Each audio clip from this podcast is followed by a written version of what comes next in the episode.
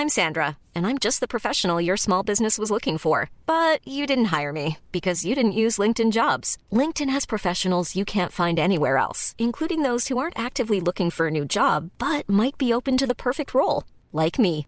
In a given month, over 70% of LinkedIn users don't visit other leading job sites. So if you're not looking on LinkedIn, you'll miss out on great candidates like Sandra. Start hiring professionals like a professional. Post your free job on linkedin.com/people today. Even when we're on a budget, we still deserve nice things. Quince is a place to scoop up stunning high-end goods for 50 to 80% less than similar brands. They have buttery soft cashmere sweaters starting at $50, luxurious Italian leather bags, and so much more. Plus, Quince only works with factories that use safe, ethical, and responsible manufacturing. Get the high-end goods you'll love without the high price tag with Quince. Go to quince.com slash style for free shipping and 365-day returns. Millions of people have lost weight with personalized plans from Noom, like Evan, who can't stand salads and still lost 50 pounds. Salads, generally, for most people, are the easy button, right? For me, that wasn't an option. I never really was a salad guy. That's just not who I am. But Noom worked for me. Get your personalized plan today at Noom.com. Real Noom user compensated to provide their story. In four weeks, the typical Noom user can expect to lose one to two pounds per week. Individual results may vary.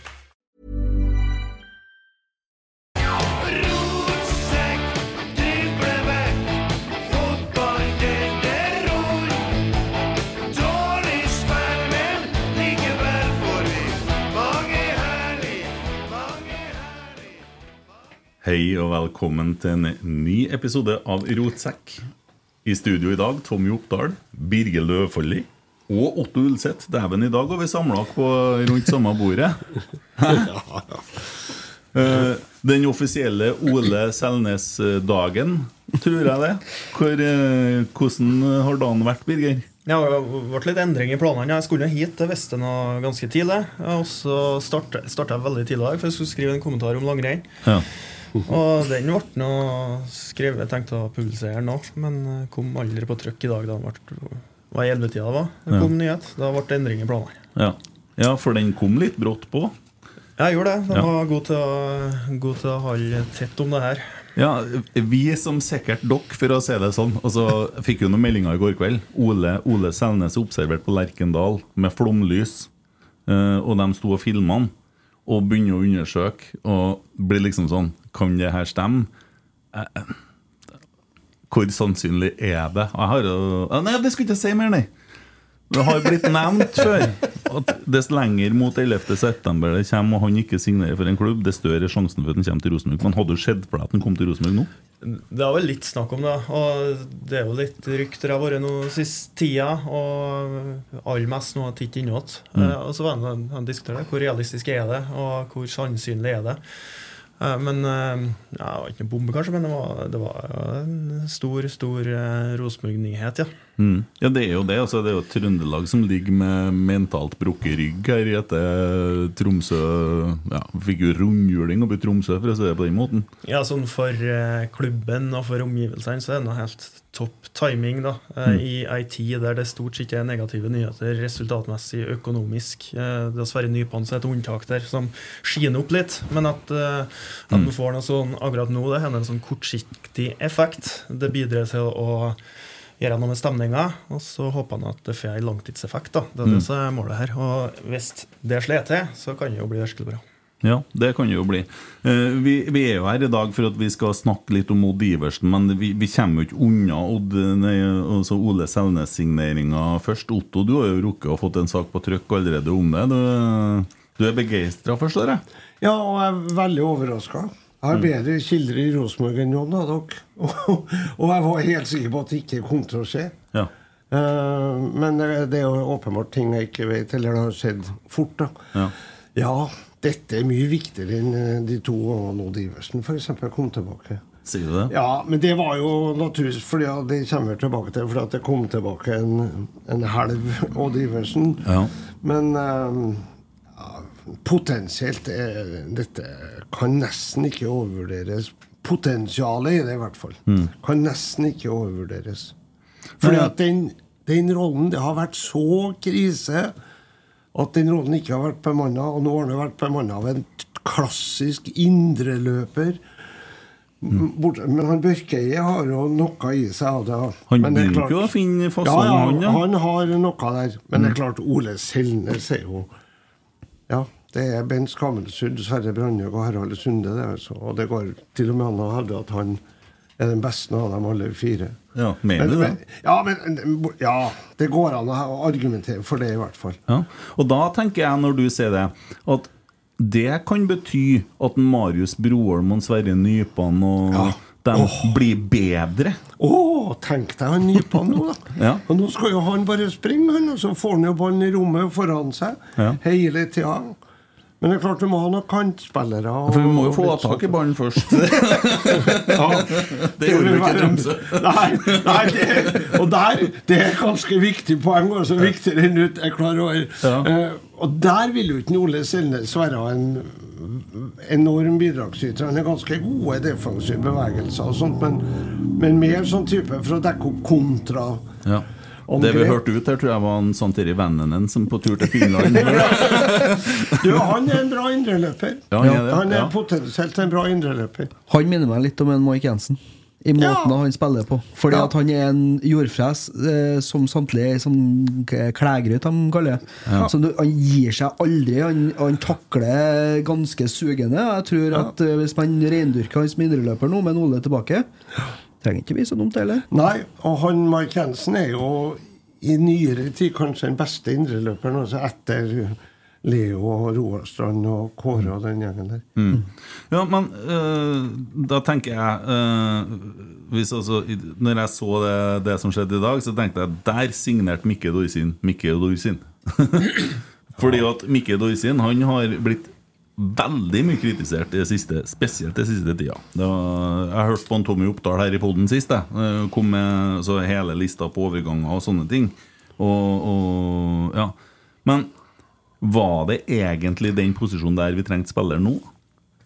Ja, det er, det Otto har rett i det. Altså Hvis Ole Selnes slet til eh, Jeg vil jo ta det forbeholdet. Hvordan Hvordan Ole Selnes er det som kommer tilbake? Hvis det er han som, kommer, han som for med litt ekstra rutine og klokskap, så har jo Otto helt rett. Og så er jo det litt usikkerhetsmoment. Han har vært så lenge bort så lenge bort fra norsk fotball. Jeg har ikke mye kinesiske kamper, så jeg er ikke så sikker på hvordan han har gjort det der. Og eh, litt blanda de siste åra, da. Eh, Og han ha- har vi liksom sittet her i 2014-2015, så har han, han vært en sjølskreven kandidat til landslagstropp nå. Mm. Det var lang lang tid siden han har vært der, f.eks. Så hvis det her er en suksess, da, så er jo han eh, den eh, solideste på Rosenborg neste år, og eh, fast innslag i landslagstroppen. Det må han krysse av for at det her skal bli en suksess. Ja, kan det Ja, Det siste er ikke så sikkert, for i landslaget har de ikke rollen hans. Han er en rollespiller de luxe. Eh, og det å spille som én av to som balanserende, det tror jeg det er mange andre som er bedre enn. Men eh, husker jeg feil nå? Eller spilte han indreløper når de var oppe i Bodø med det laget Han spilte én av to. Han spilte en av to, ja. ja.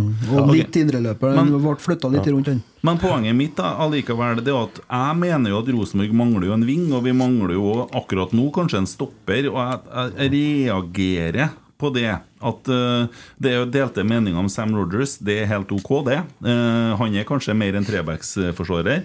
Uh, Sam Rogers han blir altså solgt til Lillestrøm, og i første kampen til Lillestrøm så er han den som får best på børsen. Og jeg tror og det skal forbause meg stort, fordi at det har vært snakka og skrevet om at en Erlend Dahl Reitan som har gått på litt medisin og litt sånne ting. Altså Man vet at det her kommer et opphold uten en, at en stopper må ut. Vi sitter igjen uten altså da, da har vi kun Håkon Røsten og Rub, nei, Ulrik Hyttegård Jensen. Da syns jeg det er helt merkelig at de sa Sam Rogers. Det, det syns det. Ja, det, eh, karen, skal, karen skal være først her, da. Men eh, skal han ha Ole Selnes, så er det er- av nå det nå. Eh, så jeg tenker at det kan ikke kan, kan ikke vente et halvår med. Nå gikk programlederen. Ja, nei, det er bare Det er et eller annet som skjer med lyden av og til. Så lyden på podkasten er Det bare minner, fortsett meg, det minner meg om den gangen Nils Arne Eggen reiste seg i sinne og gikk fra Rosenborg-kanalen. Ja. ja. Ja, den er trivelig, Og, og, og neste gang, da, liksom, og da ble jo sendinga slutt. Ja. Og så spurte programleder Erling Næss da neste gang. Da satt de jo der som et gammelt ektepar som var forent igjen. Ja. Da, da sa Nils sånn Nei, men jeg skulle bare på do, jeg, sånn, og da jeg kom tilbake. Her er han tilbake. Ja. Ja, det var, beklage det. Det er ikke første gangen dere ser at lyden detter ut, men um, Men du, du nevnte Dorsin her, da. Jeg, Ja. jeg var på pressekonferansen i dag, og trenger ikke å spørre han, bare se på han i dag, så, var, så så du hva det her betydde for han, og Mm. hvor fornøyd han var. Og eh, han har fått mye kritikk, og eh, om all den kritikken er rett, det Jeg går iallfall an å tenke om det. Hvilke arbeidsforhold han har hatt de siste uh, halvannet året, og hvilke myndigheter han har hatt. Det, men det eh, det har vært kritisert mye av det som skjedde i Rosenborg. Og det som skjedde der, tror jeg nok kan gi et godt bilde da, på, på hvor ille det har vært. Den situasjonen han er havna i. ja. Jeg tror det betydde mer for Svein Målen. da. Ikke sikkert at han er hovedtrener neste år, det vet jeg ikke. Men, men nå, er i fall, nå er i hvert fall mulig å realisere det spillet som han har i, på netthinna. Og det har han visst oss svært godt, at han mangler den viktigste brikken.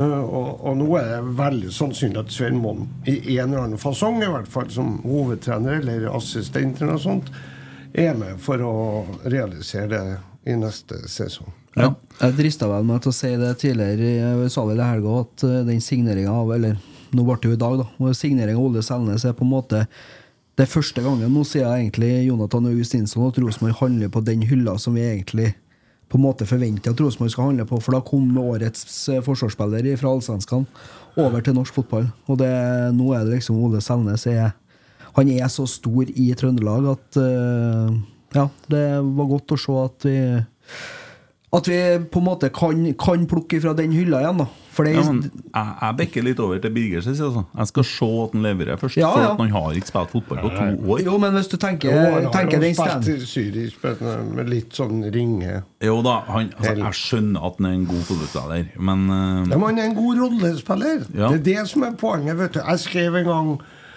Og jeg ble påminnet senest i går at jeg hadde skrevet en gang at han Marius Lundemo var Rosenborgs viktigste spiller. Og folk som ikke skjønte bedre, flirte seg i hjel. Og Jeg skrev jo ikke at han var Rosenborgs beste spiller. Det var han ikke i det hele tatt. Men han var den e- eneste som kanskje kunne brukes i den rollen. Mm. Men Ole Selnes er ikke bare 'kanskje kan brukes i den rollen'. Han er Norges beste spiller, overlegent, sammen med Patrick Berg. I den rollen. Han gjør den litt annerledes enn Patrick Berg, da. ja. ja, det er, for all del. Jeg håper du har rett. Hvis men, eh, er fit, altså. ja, for det, det er jo et hvis her. Så, ja, jeg mener det. De har vel eh, sjekka det, tror du ikke?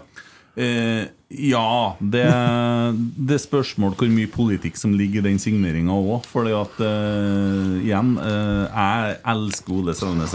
Men eh, samtidig så vet jeg at det bidrar til en viss positiv greie i Trøndelag. da hvis det, det er kampen mot Tromsø som forårsaker dette, så håper jeg vi taper 7-0 mot Bodø-Glimt. så får vi oss en ving òg. Kommer Fredrik Mitsjø og Jonas Svensson. Jeg tror de har ja, de, har- de er jo glimrende fotballspillere, men der er ikke det samme behovet. Altså. Nei, det er jo behov for en ving, og det er jo behov Ja. for en stopper. Eh, Dennis Johnsen fra Venezia, hvis han er der lenger. Det var det. Mm. Det var det. Han eh, han. Ja. Det er bare å begynne å ringe, det. Du kjenner faren, skjønner jeg? Ja, det gjør jeg. Ja. Nei da, men eh, det er jo en, eh, det er jo en også Misforstå meg rett, jeg er veldig glad for den signeringa. Det tror jeg ikke å misforstå heller, for jeg så ansiktsuttrykket ditt når det ble bekrefta i dag. Ja, det var ikke noe spesielt med det. Nei, det var bare en som sto og hulka på, oppå Nardår midt i en joggetur med noe headset. Og så kan jeg, jeg kan jo sitte den Kristian Stokdal da, på Ja. Twitter, eller på X, da, som det så fint heter. Og det er at Etter mange års leting ser RBK endelig ut til å ha funnet erstatteren til Ole Selnes på midtbanen. Ja, det er helt korrekt. Ja. Det er helt korrekt. Så det er god leting, det. Ja. Nei, men eh, det blir, det blir spennende å se tida som kommer, og jeg håper jo at det gir litt arbeidsro. Og så er jeg ganske nysgjerrig på hvordan vi løser ting framover. Det er jo ikke bare det, de har jo tre gule, hele gjengen bak her. Og det her ja. Det blir ikke noe bedre spill i backrekka av det. Nei, det gjør det ikke.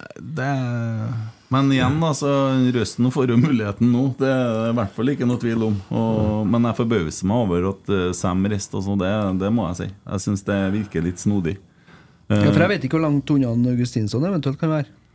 Nei, han har jo heller ikke spilt fotball på lang, lang tid. Så nei, det For det er i hvert fall en som kan brukes som stopper, for det er der han spilte en del i Sverige. ja. Nei da, men øh, det, det blir jo utrolig artig å følge med framover, og det gir jo håp for fremtida. Og det er jo viktig. Ja, eh, det er faktisk eh, Altså nå, dette Nå skal vi jo bruke oss det er Være forsiktig som noen antyder, med å bruke for store ord og bokstaver for tidlig. Men risikoen er nå at eh, Ole Selnes blir såpass bra at han dekker over alle svakhetene både i laget og i klubben. Ja, Det må man eh, passe seg for. Altså, så fordi- god tror ikke jeg har er. det, det i hvert fall Nei, men i fotball er det jo sånn at hvis du vinner, så er alle genial. Styreleder og daglig leder og uh, hele apparatet. Taper, så er alle idioter. Sånn er det. Mm. Ja, ja, Og det er klart at Rosenborg vil eh, nå muligens endre karakter og fremstå som et helt annet lag. Den forventninga har jeg. Ja, ja. Og jeg er òg ganske sikker på at ryddesjauen er heller ikke over. Og da tenker jeg på spillertropp. Og så nå sitter vi egentlig med tre potensielle seksere, hvis vi tar med en sånn det der. Jeg tror ikke Tobias er en spiller som finner seg i å sitte på benken og vente at Ole Selnes ikke spiller. Så noen kommer til å må reise. Det er jeg helt sikker på. Og at det skjer i januar, ja, det tror jeg. Men det er flust med Jeg leverer nå, Birger. Du, du føler jeg er litt inni den. Ja, du er bra stim nå, ja. Ja. Ja, men du skjønner, du skjønner resonnementet? Tror, Ja, tror du Tobias sitter og ser på at Ole spiller? I noe lang tid? Nei, s- eh, jeg, jeg tror først og fremst at, det, at du må vente til neste år for å se at uh, Ole Selnes blir så god som Otto skriver da, Mm. eh, og sier. Uh, jeg tror ikke han skal forvente for mye de første kampene av en som har feriert og kanskje ikke i topp fysisk form. Nei. Men det bør han komme seg til. Altså, det er jo to spørsmål her. da. En er nå fysikk, og om han er, er den hva. Og det, hvis den er frisk, så bør det være eh, greit å få til. Og så er det noe om en vil nok om, om hodet er der det var for eh, sju-åtte år siden. Mm. Eh, hvis de to tingene er på plass, så bør jo det her bli topp, det. Ja, Ellers så har du jo muligheten, hvis Rosenborg åpner for investorer, så kan en jo gå inn der òg, antakeligvis mulighet for en sånn sideprosjekt. Ja ja. Nei, men det var litt om eh, fremtida, men i dag skal vi jo faktisk tilbake til stor fortid. Vi skal snakke litt og veldig mye, ikke litt, men mye, om Odd Iversen. Eh, Otto, du hadde jo lanseringsfest i går, egentlig. Hva skal jeg kalle det? Ja, fest. Det var ikke fest i Odd Iversen sånn, i hvert fall. Nei, men det var en særs hyggelig stund. Jeg så heldig Ja, å fikk eh, det være der. Og det, det, det som var litt sånn eh, Hva skal jeg si Ja, Jeg kan jo spørre Birger, du òg var jo der. Hvordan var din opplevelse av akkurat den stunda? Ja, Trangt skulle hatt mye større lokale. Det var noe Jeg har vært på noen sånne settinger på, på der og det noe det Nei, jeg tror jeg rekordet i oppmøtet, så det var noe solid. Og så var nå jeg eh, Jeg har med en som var enda yngre, da. Men uh, mellom og der og neste, så tror jeg er ganske stor aldersforskjell. Ja, ja det, det var jo en del av hovedpersonene i boka var jo der. Og, Ja og, eh, og Torodd, ikke minst, eh, fikk noen meldinger fra han i dag òg. Han eh, var jo overraska over hvor mange som kom. Det var stappfullt innpå der. Ja, altså, folk måtte snu i døra. Ja. Ja. Så jeg har fått melding fra flere i dag. Jeg. Tidligere kolleger i Adressa annet, som ikke kom inn. Det, Men det er vel bra, det, da. At det er sånn kø utafor nattklubben. Det er vel det. Ja, ja, det- Bedre kan det ikke bli. Når jeg drev og spilte aktivt ute i band, og sånn, så drev jeg og tok bilde av den køen. Ja. For at det var liksom Ja. ja, Dem som ikke kom inn. Da, da Ja. var det alvor. Det var riktignok på opptale i påska, så det skulle bare mangle. men eh, det var stas, det. Nei da. Eh, Men altså, hva er det som er forskjellen? Birger, du har lest boka. Hva, hva er forskjellen på boka her og de to andre bøkene som er skrevet om Odd Iversen? da? Jeg har lest den igjen, men det er så lenge siden at jeg ikke Nei. eh, Jeg vil helst sammenlegge det med Jeg leser mye sportsbøker som kommer ut da eh, hvert eneste år, og spesielt biografier.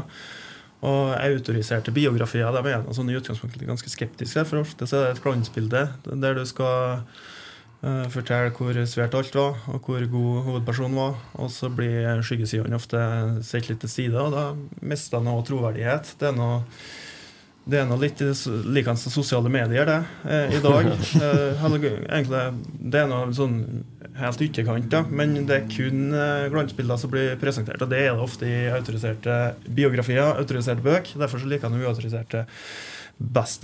Om det her er en autorisert, det vet jeg ikke. Eh, Nei, det, nei, det er jo ikke hovedpersonen. Det er ja. Men, men det Men, men du har jo hatt med en Torodd, altså sønnen. eh, Ja, men han har Ja, men han har Ja, han har kommet med innspill, og, men han har jo ikke hatt noe redaktøransvar redaktøransvar. Har ikke latt som han hadde, eller, eller tenkt på det, eller Men de aller beste bøkene, det er jo der du får med hovedpersonen. Og her er jo ho- hoved... Jeg forstår det sånn at det er store TV-opptak av hovedpersonen, så er en Ja, sentral er det. kilde. Ja. Ja, ja, for du, det, det, du har altså fått kontakt med TV Risvollan. Og Odd han bodde jo i Høyblokka og var kompis med guttene på TV Ja, og og, var der, ja, og der fikk de hele historia til en Odd fra en Odd. Ja, han har uh, lest inn en fem-seks timer, kanskje. Fra A til Å. Han husker ganske godt. Ja. Han husker ikke alt helt presist. Uh, men han husker godt, altså. Så det har jo vært en, en viktig kilde her, ja. Ja. Eh, andre kilder Du har jo selvsagt lest de tidligere bøkene, og du har jo vært en del sammen med Odd sjøl. Ja, jeg, vært, jeg var mye sammen med Odd, men jeg, vi var ikke ute og drakk øl og sånn sammen. Men jeg, jeg var invitert til alle bursdagene hans. Og, Vi kommer også til den reisa dere gjorde. Ja, Den, ja. den er litt herlig, den. ja. Men uh, ja, hva, hvor kom vi langt? Nei, jeg var ikke helt ferdig med resonnementet der, nei. Ja. Men jeg kan jo fullføre det. Uh, ja, boka her, da, så eh, føler når jeg som leser at jeg får at alt fra A til Å. Altså det, det var, det var enk, jeg, jeg tipper det er enklere å skrive om et liv så er, der du har hele, hele da. Eh, det er jo mye biografier som kommer ut altfor tidlig òg. Otto har jo skrevet en bok om Petter Northug, f.eks. Som, ja, men det var ikke biografi. som, som kom ut i Tidenes lag, kanskje. Eller som Ja. er fullt av sånne bøker fordi at du skal tjene penger når utøveren er på topp.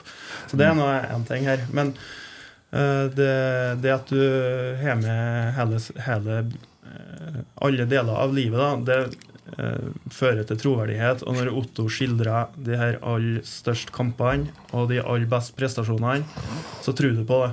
Eh, for her, du bruker noe bruker ikke så harde ord, men du skildrer noe ja, Du beskriver så at det var en god fotballspiller. Mm. Og, Han var, han var det. Ja, for det, det, og det skjønte jeg Otto var veldig viktig for deg, at du skulle få frem hvor god Odd Iversen faktisk var. Ja, altså, jeg var jo på Leskendal som guttunge i 67, og da var jeg ti år. Så jeg var jo på alle de kampene. Men, men da jeg begynte med det her, så var det liksom to ting som likevel gikk opp for meg. Det ene var det. Fy faderen, hvor god han var. og jeg begynte å se noe, til og med noen hele kamper. da. Og ikke så mange av dem, da. Og det var det ene. Og det andre var jo det der som det har vært altfor lite fokus på rundt Odd, og det er jo den dramatiske forskjellen det var før og etter skaden.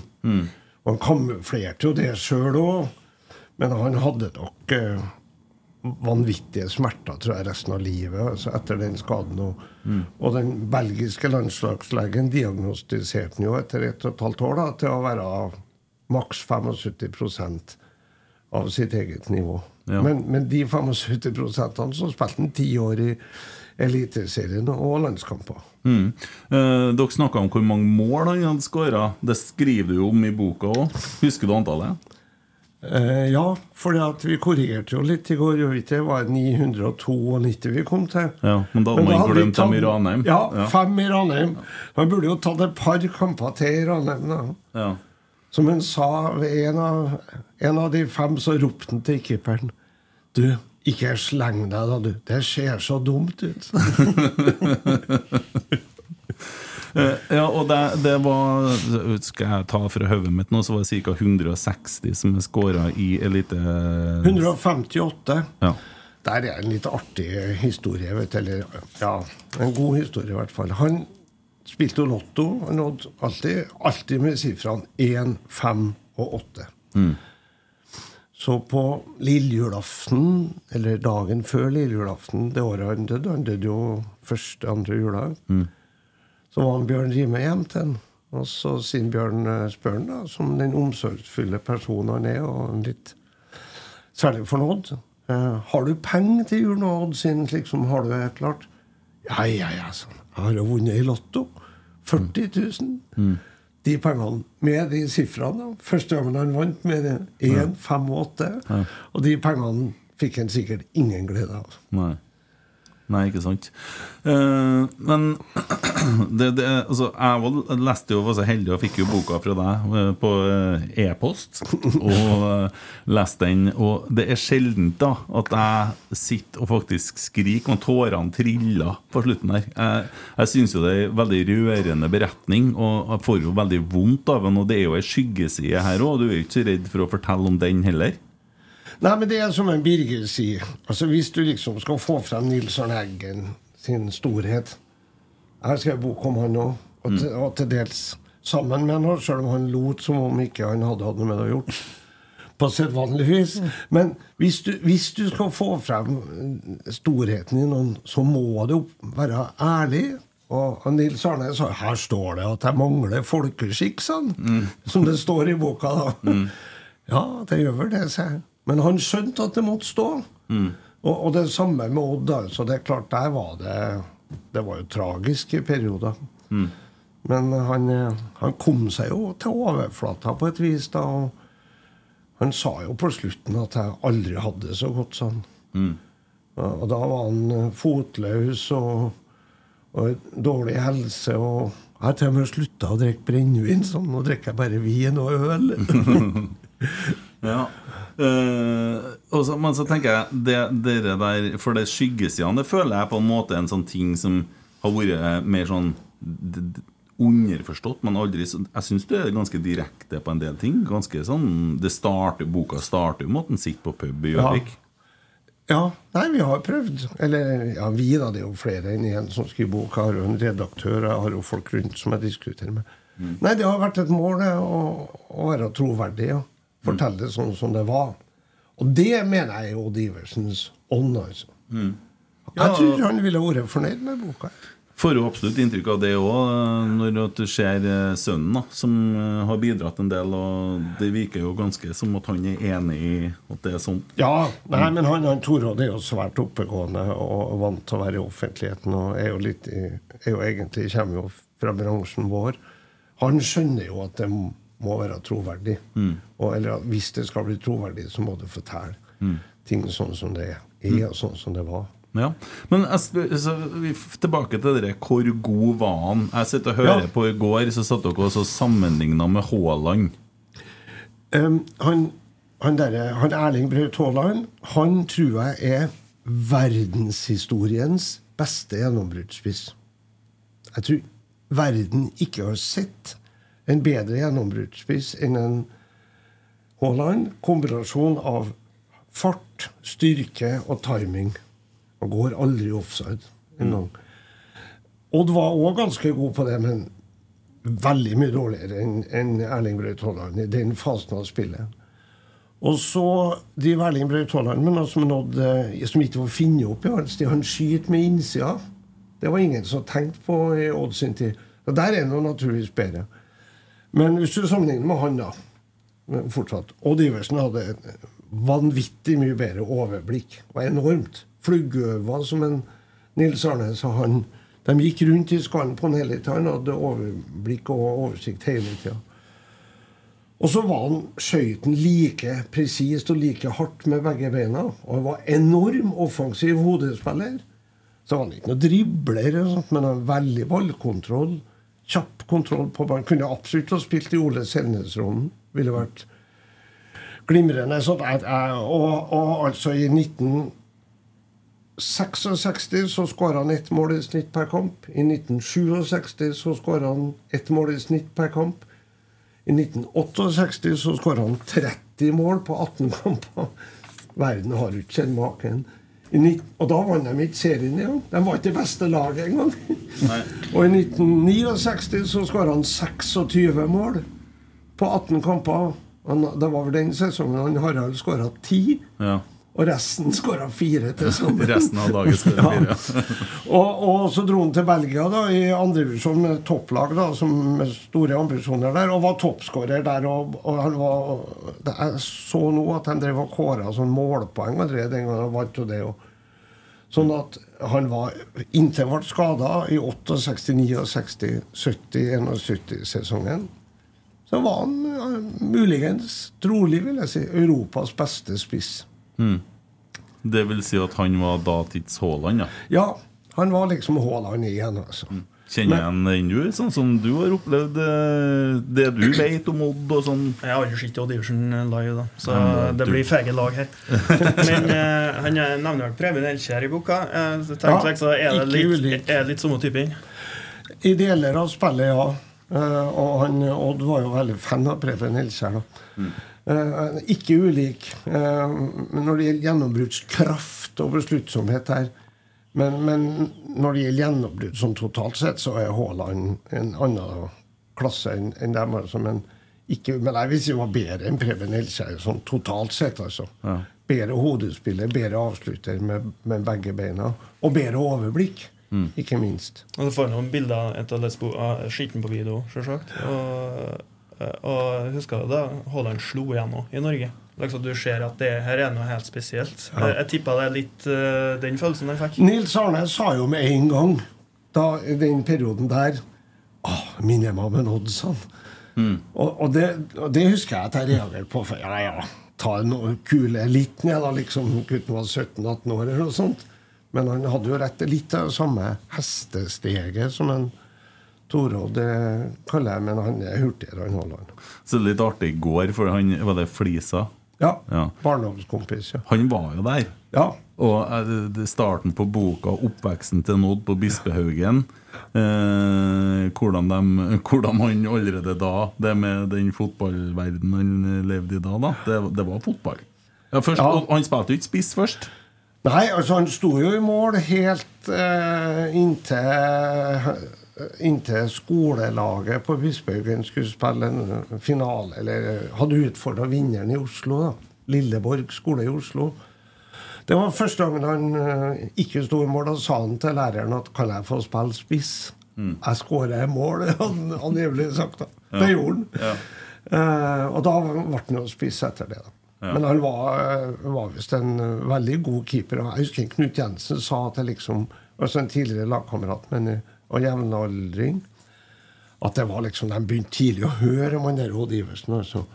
Og det var noe sånn oppvisning på Sentrum kino hvor det var noen som var plukka ut og opp på scenen og vippe og litt sjongler. Og der var han, altså. Knut Jensen satt i salen og var storøyd. Så, og det var en sånn 10-11 år gammel Odd Iversen. Ja, For han fikk jo det merket. Hva heter det når du vipper? Ja, han eh, tok bronseball og sølvball og gullball, ja.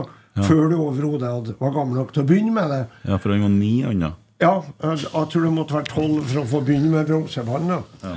Og så kunne du ikke ta sølvballen for året etterpå, så du måtte bruke tre år. Så han var den yngste i landet som, som tok den. Mm. Men han slo ikke altså, Allikevel, da, så, så skjer det jo noe først. For han spiller på Var det Bispehaugen det het, han spilte? Han spilte på Trond, Ja, Trond, ja, ja. som hadde et godt juniorlag. Så gikk han og han Flisa til Rosenborg.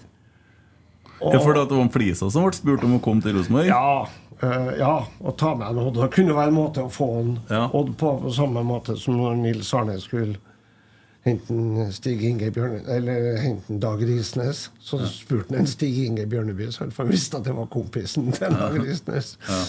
Men uh, Nei, altså, han var jo en god spiller på juniorlaget, og han ble jo tatt opp i avstand sammen med fire andre juniorer. Men det var en som heter Tor Lindvåg, som var to år yngre, som spilte cupfinalen i 64, mens Nodd satt på benken. Ja. Og han Tor Lindvåg han sendte jeg en melding til en fredagsmorgen her i februar-mars. For da hadde jeg ennå ikke snakka med han. Jeg visste jo godt hvem han var. Og spurte om vi kunne ta en kopp kaffe i anledning manuset. Det var liksom den eneste jeg mangla. Og når jeg leste adressa den kvelden, neste Dagsavis så sto dødsannonsen hans. Oh, ja. ja. Så han rakk ikke jeg å snakke med i anledning her, men han var den store. Han spilte på juniorlandslaget. Han var med på det Halmstad-laget som de sa som vant en nordisk turnering. Det var han, og han var to år yngre. Han spilte på A-laget. Odd var, ja, Odd var liten og sped. vet du. Han vokste vel 14 eller 18 cm på et år. Dere sa 14 i går, når han var i Så militæret. ja, men da ble jeg 18 i Ja. Ja. Det du merker det, husker jeg når Birger. Du, du skjønner at det ikke Ja. ja. Jeg må dra på såpass. Ja, det, ja, ja. Men det var 14. Ja, 14, Ja, det var kanskje Står 14 i boka. Ja, da var det 14. Ja. ja, Og når han da kommer tilbake fra, fra militæret, så er han en annen spiller. Ja, da, for det var liksom ikke opplagt at de skulle hente han når han var på Setermoen og sånt. Det var bare ved behov. Men så fra og med den dagen de oppdaga han, da Og da kom ble han jo tatt ut på U-landslaget etter det. Og da ble han henta hver gang. ja. Spilte en del kamper sammen med Tor Lindvåg. Men uh, tok over den plassen av den rollen. Er det allerede da han og Harald Sunde begynner å finne hverandre? De fant hverandre øh, De tapte 5-0 i en U-landskamp i 1966. Og Harald mener at han fornemma at det var noe der. De tapte 5-0. Mm. Så kom jo Harald til Rosenborg vinteren 67. da. Mm. For da Han var jo på A-landslaget, Harald, men fikk en følelse av at og Nidelv hadde et bedre juniorlag og var egentlig mer sånn Der han kom fra, var egentlig Nidelv som kanskje var, skulle bli storlaget neste Eller storlaget i Trondheim. Men han fikk en følelse av at hvis han ikke gikk til Eliteserien eller førstedivisjon, som det heter, så kunne ikke Klarte han ikke å forsvare plassen på A-landslaget. Gikk til Rosenborg, og dem- den vinteren så spilte de på samme laget hver eneste trening, sin Harald. Så. Og de spilte treningskamp mot Lyn uka før seriestart. Og da tror jeg var Arbeideravisa som lanserte begrepet radarpar. Og, og VG laga en sak der om så opp for den derre som ingen hadde hørt om. Det var Odd Iversen. Mm. Harald hadde de hørt om. Han var jo på A-landslaget. Men eh, da, da har han Harald Sunde den rollen som en Ole Selnes eh, Nesten. Rosenborg? Ja. nesten. Han lå foran. Spør du Nils, så han, ville han ha sagt ja, ja, ja, akkurat samme rollen. skjønner du. Men altså, veden, som vi sier i dag, da var snudd. da. Så han lå foran de to andre, men hadde egentlig samme rollen. Det var en periode både på landslaget og Rosenborg hvor de drev og flytta Harald ut på vingen. Da ble det bare tull i sammenligning. Men han fikk ligge bak en Odd Og der var arbeidsfordelinga ganske sånn konstant. altså Det var en Harald som spilte gjennom en Odd. Så en Harald gjorde noe til en bedre spiller? Ja, ja, ja. ja. ja. Og, og de var jo, det var jo i, sosialt, og de, de var jo De jobba jo sammen, og de bodde jo sammen. Og, og, Odd torde jo ikke reise utenlands før Harald ble med. Nei, for det, og det skjer jo litt rundt dere der òg. De må jo lure seg av gårde først, for det var jo ikke sånn at det var noe proffspill etablert. Det var jo synd og skam i Norge, det. For at eh, Ja. Det var, det var jo noen nordmenn som hadde vært i Italia, og, og Kniksen og Finn Seemann var jo i Skottland. Men da fikk de utspill på landslaget, og, og, og dette var jo sånn i tråd med olympiske idealene. Proffspill var vi imot, og proffspillere ville vi ikke vite av. Nei, både proff så fikk ikke spille på landslaget. Nei, stort sett sykt, ikke. Det- det er så merkelig tid. Men det var sånn i, Danmark òg, vet du. Hadde samme praksisen. Men, men der, ennå der hadde de jo hatt profesjonelle spillere i langt større omfang da, hele tida. Nei, så de eh, De kunne jo ikke havna i en storklubb, kanskje sammen allerede, de to, men de reiste inkognito. Ja. Mm. Ja, for Odd var jo ønska til Rangers. ja, det var tidligere. Og det var, en, det, var en, det var en av de største klubbene i Europa. Det. Ajax og ja, Celtic og Ja, Glasgow Rangers tapt serievinnercupfinalen. Eh, Det ene året de ville ha han. Eh, Men du vet, det var helt uh, Han kunne ikke reise til Skottland alene. Og de snakka utenlandsk. Og det, han, han var ikke i nærheten av å ha det motet som det krevde. Altså. Så han, han fant nesten på noen unnskyldninger for, for å slippe det. Ja. Men Belgia ble det. Først måtte de lure seg av gårde, og det var noe triksing og miksing for å komme seg dit uoppdaga. Ja, Uh, de var jo plutselig bare borte.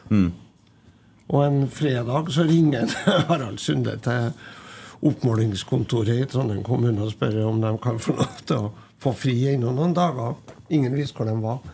Men da, det var jo han som het Willy som hadde vært landslagstrener. Østerriker. Det var jo han som tok dem med der, da. Og han var jo litt persona non grata her, han, for at han hadde tatt med en Harald han Odd til Belgia. Eh, og, og Bare i det lå det jo en betryggelse for dem, og for Odd så var det helt avgjørende at Harald var med. Altså. Det var Ja. Uh, og, Odd blir jo skada til slutt i Belgia. Han skårer mye mål. Nei, i Kristiansand. Ja, det stemmer, det! Det stemmer det, For de, de var på en turné. Ja, altså Han var helt enorm. Det, like god det første året der, og, og like stor. Og alle klubber ville ha Odd Iversen. Men han var jo under kontrakt da med Reisning Michelin. Det, spilte for så vidt ikke noen rolle engang, for du var under livstidskontrakt uansett. Ja, for det var før Bosman? Ja, det var tingene før Bosman. Ja. Uh, og så reiste de til Norge for å spille fem kamper i løpet av en drøy uke. Uh, 14 spillere dro de med. Spilte mot eh, Start og Brann og HamKam og Lyn og Rosenborg, tror jeg. Og i den kampen mot Start i Kristiansand, som altså var vel den første kampen, der ble Odd skada. Og det var jo den skaden som han aldri ble kvitt. da. Mm. Og det var jo ikke skaden, men det var jo behandlinga av skaden som Ja, Han hadde vel en benevnelse av legen som Han mente at den legen som hadde operert den, var 90 år, hadde glasshøve og brukte kniv og gaffel da han opererte den. ja. Og det tok ett og et halvt år før noen andre så på Nei, det var noen andre, men altså, han hadde en lege som het Koilemans i, i Antwerpen, eller noe sånt, som han hadde tillit til, og som han hadde også fått beskjed om fra Paul Lerheim, broren til Ingar, her hjemme, at han kunne stole på. Men de manipulerte jo han, klubben, og så de sendte jo Odd på banen igjen før han var frisk, og de påstod at han Koilemans hadde sagt at det var ålreit, og sånn, så det ble bare verre og verre. Og så var det Spilte Norge landskamp mot Belgia på Ullevål den høsten 72 blir det, da. Ett og et halvt år etter at han ble skada. Og da dro han over, for der hadde han jo inngang til den belgiske landslagslegen. De visste jo godt hvem Odd Iversen var. Så han møtte opp der og ba han se på han, og da sa han at du blir aldri mer enn 75 frisk. Mm. og- og etter det så, så ble det jo aldri den han var. Nei. Eh, vi hopper litt fram. Så i 19, eh, var det 91, da Rosenborg i Belgia spiller mot det andre laget i Belgia da er, KV Michelin, ja. ja, da er du og eh, Odd og eh, Harald. Ja. Da, ja, jeg jobba i Adressa. Invitert med dem nedover for å skulle lage ukeadressa-reportasje. Må ha vært dårlig forberedt, som jeg husker. For at jeg husker altså ikke at jeg hadde gjort noe henvendelse til klubben. Høres jo helt mm. Høres ikke betryggende ut. Uh, Odd kom med toget fra Gjøvik. Det var jo første store spenningsmomentet. liksom. Kommer han? Ja. Og hvilken tilstand kommer han? Men han så jo helt spæsj ut. Fast i blikket og rak i ryggen. Og Harald og andre, og Nils ikke minst, og sånt var glad for det. Og Da vi landa der, så sto det noen naboer dem og tok imot dem på flyplassen. For Harald hadde da vært litt mer proff enn meg. Han hadde vært varsla noen om at vi kom. Og dagen etterpå dro vi ut på anlegget da, til Racing Michelin, og det Ja, det var, det var enormt. Jeg glemmer ikke vi kjørte inn i en drosje på, på baksida der, og så så vi en bevegelse bak ei gardin oppi der. Og så var gardina liksom frem og tilbake en tre-fire ganger, og så forsvant fyren, og så kom det en springende ut fra ned trappa ut hovedinngangen der, og det viste seg at det var han jo bak gardina. Da. Det var, han var visepresident i klubben. Han måtte forsikre seg om at han hadde skjedd rett, at det var Jesus Kristus som var vendt tilbake. Himself. Og med, respekt for Harald, det var jo begge to. og Harald var jo naturligvis på det planet akkurat like velkommen som en Odd. Men det er klart, Odd Iversen, det var helt vanvittig. Og da da det til å slakte gjøkalven, og de ringte rundt, så i løpet av ti minutter så var alle gjenlevende lagkameratene fra førsteelveren der. Og jeg tror det var to stykker som var døde, faktisk. Eller eh, kanskje de var bare utafor rekkevidde. Så det kom sju stykker fra laget, og det var liksom helt kom den ene bilen etter den andre skrensende inn på parkeringsplassen her, og alle hoppa ut uten å ha igjen bildøra. Og, og Odd klemte og var veldig bevega.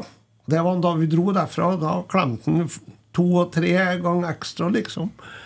Og han, kapteinen fra den gangen han drev restaurant som skulle åpne på kveldstida, men den ble åpna øyeblikkelig, og gjøkalven ble slakta, og kjerringa hans ble kalt inn, og kokken ble kalt inn. Og, og de kom med noen utklippsbøker der, og det var helt mm. Og da husker jeg en Harald sa til meg at snudde seg mot meg sånn Nå, sånn, nå skjønner du kanskje hvor stor han Odd var her. Ja.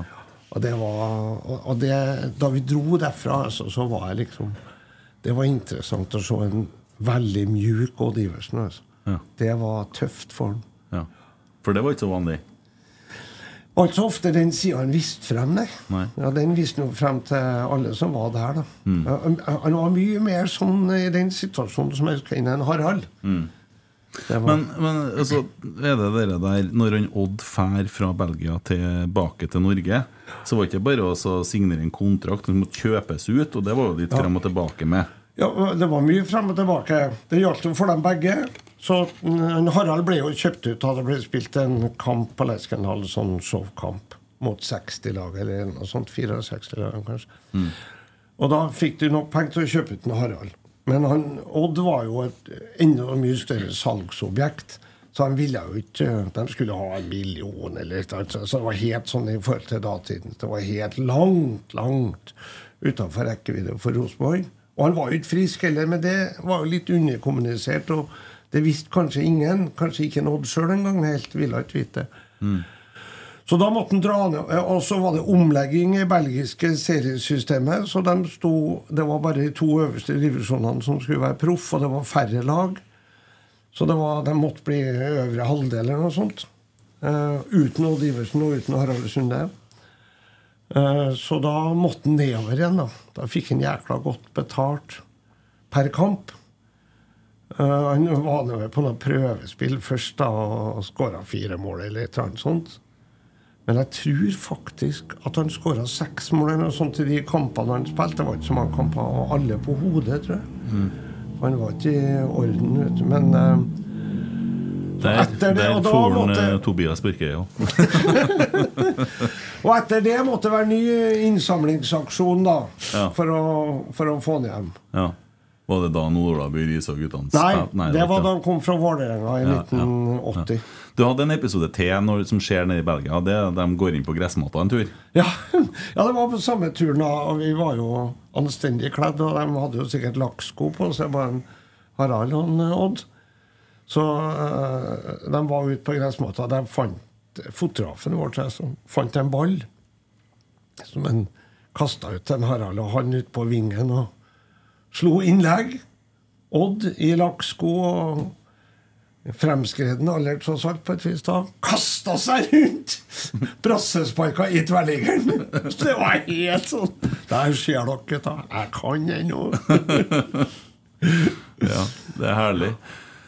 Birger, hvor mye tror du den boka der betyr for historien i Rosenborg i dag?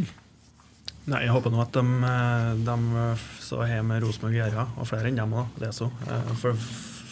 For, det første fordi det er en god bok, men for det andre så er det noe, en viktig del av historien. Eh, og eh, jeg, jeg tenkte på det her nå, med Otto har snakka, at eh, eh, ja, det blir fortalt om hvor god han var, og, og nevnt før her, skyggesidene, liksom. Eh, men et poeng eh, som jeg syns er bra, da, det er at eh, det er jo ikke sånn Det er jo ikke et forsøk på å skandalisere eller å grave opp eh, ting som skal skape overskrifter, den boka her. Den er skrevet med respekt eh, eh, på, på den måten òg, liksom. Men eh, framstår, det framstår sånn som det var. Men to episoder som jeg syns er bra, da, det er sist gangen han kom til Rosenborg. Kommer kanskje til det. Men, for det er jo sånn som er Både det og når du henter hjem fra Gjøvik. Det er to, to sånne ting som er veldig lett å fortelle fortelle. Det var så topp, og at de gjorde det, og da var det så bra, liksom. Men den eh, nyanserte biten av det siste oppholdet i Rosenborg syns jeg er bra. da Eh, For at da beskriver Otto at Odd Iversen er egentlig ikke god nok, har ikke på slutten. Uh, og det har ikke jeg lest før. Og det er jo sånn som bidrar til å styrke den andre eh, biten. At, og likeens når kom igjen fra Gjøvik og ble eh, var det materialforvalter, eller hva det var, mm. som har vært presentert for meg, da, som har lest denne historien på andre måter som en sånn kun gladhistorie. Det var Da viste Rosenborg hvor eh, dyktig de var, og Nils Arne henta han. Og, og selvsagt kjempebra, mye der, men det var ikke eh, bare enkelt. Det var mange sider av den historien. Så de to er sånn det er liksom ikke, det er ikke de to delene av boka som skaper store titler, eller, eller noe sånt, men det er en viktig del, da, syns jeg. For at det bidrar også til noe nytt og gjør meg litt klokere. Ja. De, måtte jo, de måtte jo av Nå hopper vi litt i tid. Ja, men det går fint, det. Men de måtte jo avvikle den siste gangen. sant? Og det var naturligvis Bjørn Rime som fikk den jobben òg. Og sier til ham at Odd, du kan ikke være her lenger. Eh, og og, vi, de hadde jo da ordna så han fikk uføretrygd. De hadde ordna med leiligheten på Risvollan, og at det skulle trekkes direkte av trygda. Og, og så sier Bjørn og så får du 3000 kroner i måneden av oss. Og vi vil gjerne at du kommer hit og spiser lunsj og sånt. De pengene takka han nei til. Det gikk på stoltheten løs, altså. Ja, det var jo det, Og der òg, men så har du det Hvis vi går tilbake nå til at når han kommer hjem til Rosenborg, så, så er han jo her i en par år eh, etter han har vært i Belgia. Ja, tre, altså, eh, det spilte kanskje var det vel i 73 mot Brann. Beste dagen i mitt liv. Så han fikk spille for Rosenborg. Han skåra tre mål eller noe sånt. mot Brann. Mm. Ja, og så i 74 og 75, men da gikk det jo nedover med Rosenborg og med han. Ja, Og da begynner jo Rosenborg å det som blir beskrevet i boka, overvåken. Ja, Han følte seg overvåka. Ja, Odd opplevde det i hvert fall sånn. Han bodde i høyblokka nedpå her. og han, ja, det, var, altså det var jo forfølgelsen av en paranoid. Så han, han følte seg overvåka. Det var kanskje ikke uten grunn at de passa på han litt heller. Og klarte ikke å kommunisere noe godt med han. Nils var jo ute, og Så det var jo et De klarte i hvert fall ikke å ta seg av en da. Men han hadde jo den lykke å komme til, for han, verdens beste klubb, da. Ja, for, og, så, Da. og da han jo Han skal jo til Lyn. Ja, Og de kunne, du sa noe i går om eh, hva de kunne mønstre. Ja, de, er- de er jo kjent for at den eneste klubben som, i Norge som kan mønstre 100 mann i kjole og hvitt i løpet av et kvarter. De kommer jo fra en litt annen Ja. del av samfunnet enn en Odd er oppvokst i. Ja, for det hadde jo blitt et kulturkrasj med Odd Iversen i Lyn. Ja, det, hadde, altså, det er ikke mulig å se for seg. Nei. Men i, i Vålerenga så kom han til de grader til sine egne, vet du. Uh, han var, tok stor plass, og det ville han at han skulle, men det var mange andre som tok stor plass òg, og de var jo glad i en Odd var jo veldig replikksterk. Det ble jo dyrka der. Men det er klart det var Og han, de, jeg tror han har en stor stjerne en dag i dag i Vålerenga, men, men det, i forhold til det det hadde vært, så var det jo ikke all verden Nei, men med. i livet hans så blir det roligere. Han eh, Ja, ja. får seg jo samboer. Han har jo da blitt, blitt skilt, han har Ja. blitt skilt med mora til Torodd og de to andre. Ja. Og, og, og kommer til Oslo og, og, finner eh, ny kjærlighet. Og, Ja, han var med nedover herfra. Bente er mora til Steffen. Han Steffen ble jo født der. Og. Så uh, det var en veldig god periode i, i livet hans. og så får han besøk etter noen år av en Nils Arne. Ja, Uh, høsten 79, ja. Kommer Nils vet jeg, på besøk. Og sier Odd, dere må komme hjem. Vi trenger dere. Som en Nils gjenfortalte, nei, Odd gjenfortalte. Og det var sånn, ikke bare en Odd, men de skulle ha ham, han og hele familien. da. Det gjorde veldig inntrykk på Odd. Mm. Men han Nils hadde en faglig begrunnelse. Han, eh, han ville ha den nye Odd Iversen, den rolige, altså på banen snakker jeg om nå, med, med overblikket og fluggøvene, og han ville ha spillepunktet. Ikke så ulikt det heller, den rollen Ole Selnes skal ha nå. Men enda høyere i banen. Ja, for det er jo skifta ut en del spillere i Rosenborg, han eh, Nils fortalte litt om dem. Det, Ja, ja. ja, ja.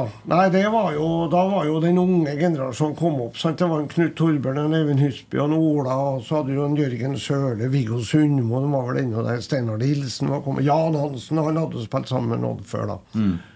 Så Øystein Wormdal hadde jo vært det var meget, meget markant på alle mulige måter. Um, så han, jeg tror ikke det var vanskelig for Nils, men han var helt uforberedt på det. Men det var ikke vanskelig for Nils å overtale han da, nei.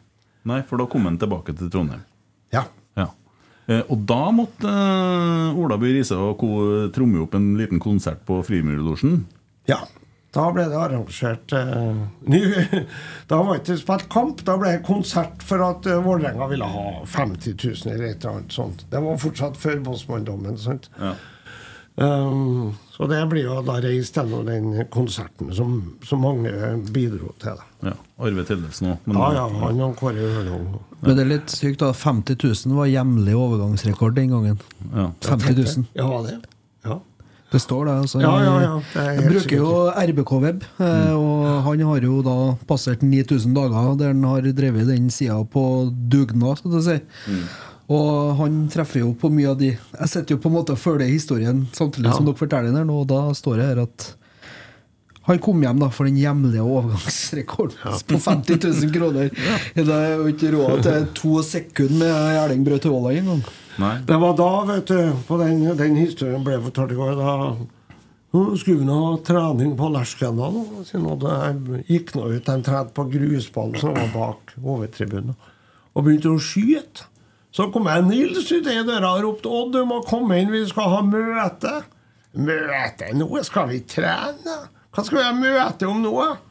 Ja, Om hvordan vi skal spille. Ja, hvordan skal vi spille, da? 4-3-3 eller 4-4-2? Ja, 4-3-3. Kan det? Ja, Så skulle de ut og springe òg. Ja, det var i samme perioden, ja. Ja. Uh, det, den er ganske sterk, vet du, for det, det er vanskelig å se for seg at en spiller skal kunne trosse Nils Arne Eggen som trener der. Odd, har du ikke skifta om? Nei, nei, jeg skal ikke være med. Jeg skal ikke være med han. Jo, du må jo være med. Vi skal jo springe opp til Fosse... Leirfossen, ja. Leirfossen, ja. Ja. Nei, det skulle ikke han være med på, nei. Jo, det er klart du skal være med på det, sa Nils og hissa seg opp på vanlig måte. Det skulle jo være med dit, du òg. Være med opp til Leirfossen, skal springe dit. Står ikke noe mål oppi der, sier han. og var i sivil, demonstrativt, til de kom tilbake. Da hadde han skifta og var med og spilt på trening. Men da var han litt mer luksusspiller, den siste Ja, runden i ja, Rosenborg. ja, ja, ja. Han var luksusspiller, og han spilte en rolle i 80, og særlig i 81 når Sverre kom. Ja, Sverre kom fra Strindheim. Ja. Ja. Uh, og, og, og i 82 var litt sånn som Birger sa, da, da Det husker jeg altså, at jeg spurte Nils en gang i løpet av 82-sesongen. For han, han løy inn en Odd i alle kampene, så vidt jeg husker. Jeg tror pinadø han har to på. Spilte alle seriekampene. Var ikke god nok, egentlig. Men som en Ola nevnte i går, han fant noen anledninger, noen roller og noen begrunnelser. Nei, nå ligger vi under, nå må vi inn med Odd. Det var greit. Nei, dæger, nå leder vi, nå må vi inn med Odd for å roe ned, liksom. Og det var jo det var ingen som angrep de begrunnelsene. Men jeg tror det ble vanskeligere og vanskeligere for Nilsson og Harald Sunde, faktisk, da, som var sammen med ham, Å å finne på begrunnelser et, etter hvert, da. Men eh, han Og da husker jeg Odd sa Nei, Nils sa da jeg spurte han. Det er Odd Iversen.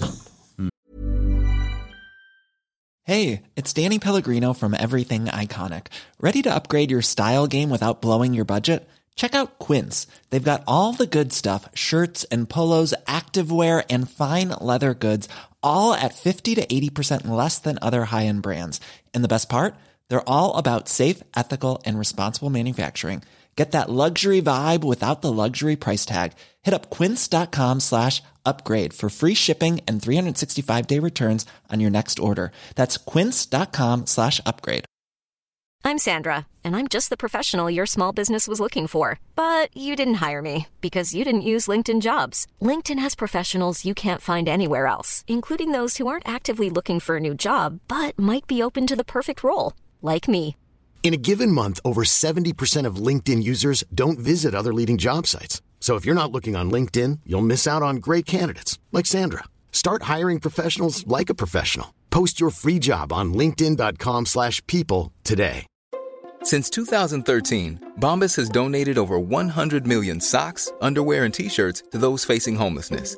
If we counted those on air, this ad would last over 1,157 days. But if we counted the time it takes to make a donation possible, it would take just a few clicks. Because every time you make a purchase, Bombas donates an item to someone who needs it.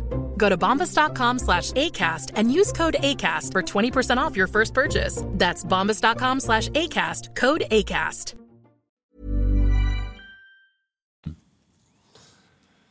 Ja. Eh, og da Karrieren ender jo ikke helt der, Ørna. Men en, Ende? Ender ikke? Slutt ikke? Han Nei, han spilte litt i Ranheim. og Ja. sånt. Han fikk eh, 500 kroner per kamp Mm. i Ranheim og 1,50 per km. Og det var allerede avtalt på forhånd at han skulle kjøre 20 km hver vei til kamp. Skulle spille kampene som ikke kolliderte. Han var jo trener for juniorlaget i Rosenborg, som ikke kolliderte, eller som han var Mm. motivert for å spille. Mm. Eh, Men eh, jeg hørte en historie der og i dag. eh, Og en som eh, en eh, på Ranheim som fortalte om Det var corner mot Ranheim, og Odd sto jo naturligvis igjen på motstander på midtstreken. Så da keeperen, Roger Stålby antagelig, fanger ballen, så roper en Odd at han skal sparke den ut til han. da. Og mens keeperen gjør det, så roper en Odd på en Frode Knutsen. Frode, spreng! Og han bare flykter ballen videre, som lander på 16-meteren til en Frode Knutsen, som skårer mål. Men han får en eh, sånn Hva heter det, sånn kamp som du får når du Testimonial. Ja, testimonial-kamp, og det var ikke så vanlig. Nei, nei, nei, det var helt uvanlig. Tom Lund la jo opp samtidig. Og Tom Lund var jo ja, han, han er jo definitivt en av de store. Og på Lillestrøm var han jo en og vil for all fremtid være den store. Men vi ser på det som Odd Iversen fra Wish. First Ja. Price Odd. Ja, men altså, det var ingen som tenkte på at Tom Lund skulle ha en testimonial på, på Åråsen. Men han var med og spilte testimonialen til og Mm. syntes det var en ære. Ja, og de drev jo og rota litt, for de var litt spent på hvor mye folk som kunne komme på en sånn kamp i oktober. Ja, det var stor skepsis i Rosenborg-styret. Og så er det litt forskjellige versjoner av hvem som pressa på for at den kampen skulle spilles. Men jeg tror ikke Nådd holdt igjen, nei. Nei. Eh, Jeg garanterer et eller annet antall Men de trykte opp 10 000 billetter. Ja, og det Mm. kom eh, ja, oppunder 20 000, tror de. Mm. Sånn at eh, da alle billettene var solgt, så var det bare å ta inn hundrelappen og sende inn folk. Mm. I en kald oktoberkveld. Det var publikumsrekorden på Lerkendal det året. Ja. Og Det husker jeg jo begivenheter fra den kampen, og Ola fortalte jo litt i går om det. Ja.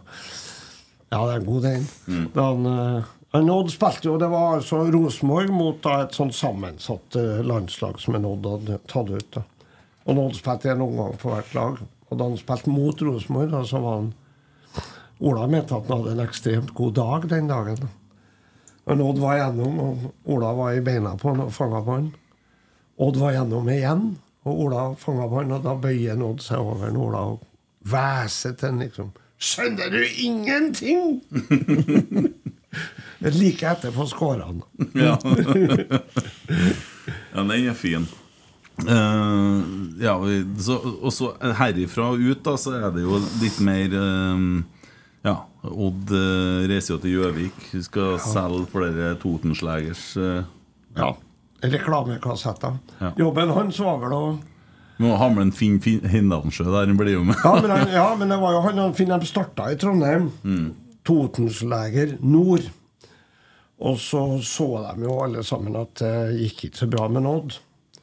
Han fikk jo firmabil og Mm. alt mulig. Men det gikk dårlig med han. Så de, i aller aller beste mening så tok de ham ned til Gjøvik, og det var derfor det gikk dårlig. For at han havna på Gjøvik, altså, men nedturen fortsatte jo da. Så mm, det var ingen suksess. Nei.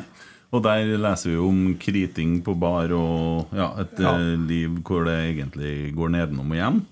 Og, Ja, de første gangene de prøvde å få kontakt med han så, så han, Jeg tror Nils Arne og Arne Dokken var der en gang uten å finne en. Da lukta han vel at de var der og stakk seg vekk. Mm. Men Bjørn Rime han er jo derfra hadde far sin der, så han var og besøkte far sin og gikk alltid innom eh, Strandbaren, som det het på Gjøvik, da, og der traff han jo noen. Mm. Men de klarer å få han hjem til slutt, da. Til Lerkendal for å egentlig få han på fotene. Ja, eh, og det var det, det er sikkert mange som også i historier som jeg har fortalt, bl.a. i Nils Arne-boka, som ikke har fått eh, som fortjent når det gjelder ære for det. Men det var jo en tilfeldig rekkefølge. Det var en Finn, det var Nils Arne, det var en Arne Dokken, det var en Ingar Lerheim, Eldar Hansen, Bjørn Rime. da. Så de, de samarbeida, alle brukte godfoten, og de fikk en hjem. Og Ingar fikk jo en jo uføretrygda, og så det var, det, det, det var veldig bra. Og Odd var rørt og glad og kom seg litt ovenpå en. Kollapsa litt etter en må Jeg husker ennå godt. Måned eller halvannen så hadde han en kollaps. da. Og det ble jo forklart med at han da var stressa av situasjonen. altså. Han måtte prestere litt og måtte holde seg litt i orden. Men var der klokka åtte hver morgen. Mm. Ja, og Rosenborg eh, tok jo vare på han så lenge det gikk, og til det ikke gikk. Og så, Ja. ja. Hvor lenge var han materialforvalter i Rosenborg? Det var jo han og Harald Sunde og, og Gjert Øyen, og det Arbeidsfordelinga var vel ikke akkurat i odds. Jeg tror gradvis eh, at en Odd bidro sånn i praktisk arbeid gradvis mindre og mindre. Han var jo sterk og arbeidsom, og sånn egentlig, men, men han spilte en viktig rolle der. altså. Og, og jeg tror Nils Arne brukte den. eh, Han diskuterte lag... Odd var en av de få liksom, som en diskuterte laguttak med. Og, så han, og jeg mener at han sammen med Rune Bratseth spilte en, faktisk en viktig rolle, for at de tok det siste hinderet i Europa. For at han ja, Odd Iversen var tross alt Odd Iversen, og det visste han. Og, og han oppførte seg som det òg, på godt og vondt. Men det var noe positivt der med det òg. Han ble vel da i over ti år ja, i den perioden. Ja, for jeg husker den i 99. Da var jeg der på fotballskolen. Da var liksom det Jeg visste jo ikke det da. Da var jeg ti år. Jeg skjønte ikke hvor stor Odd Iversen var, men jeg har jo skjønt det i ettertid. Og jeg er veldig glad for at jeg faktisk krista meg bort og tok bilde med den mannen. For det, det er de, en av de virkelig store i Norge. Altså. Og Det heter en av de største. fotballskole òg. Det gjorde det. Så det var, det var veldig spesielt. Og i adressa, vet du Når kunne det være, da, Birger? Det var jo før 90, men jeg husker jo det. Da, da husker jeg at vi, mm, vi hadde en utfordring i forhold til dekning av nivå 3 på fot, i fotball. Vi, må, vi hadde på fra litt regelmessig, ordentlig dekning av nivå 3 på, et, på en måte som vi kunne, kunne stå for. Og hadde en brainstorming rundt det. Rolf Dyrnes Svendsen en som, som bl.a. deltok i det.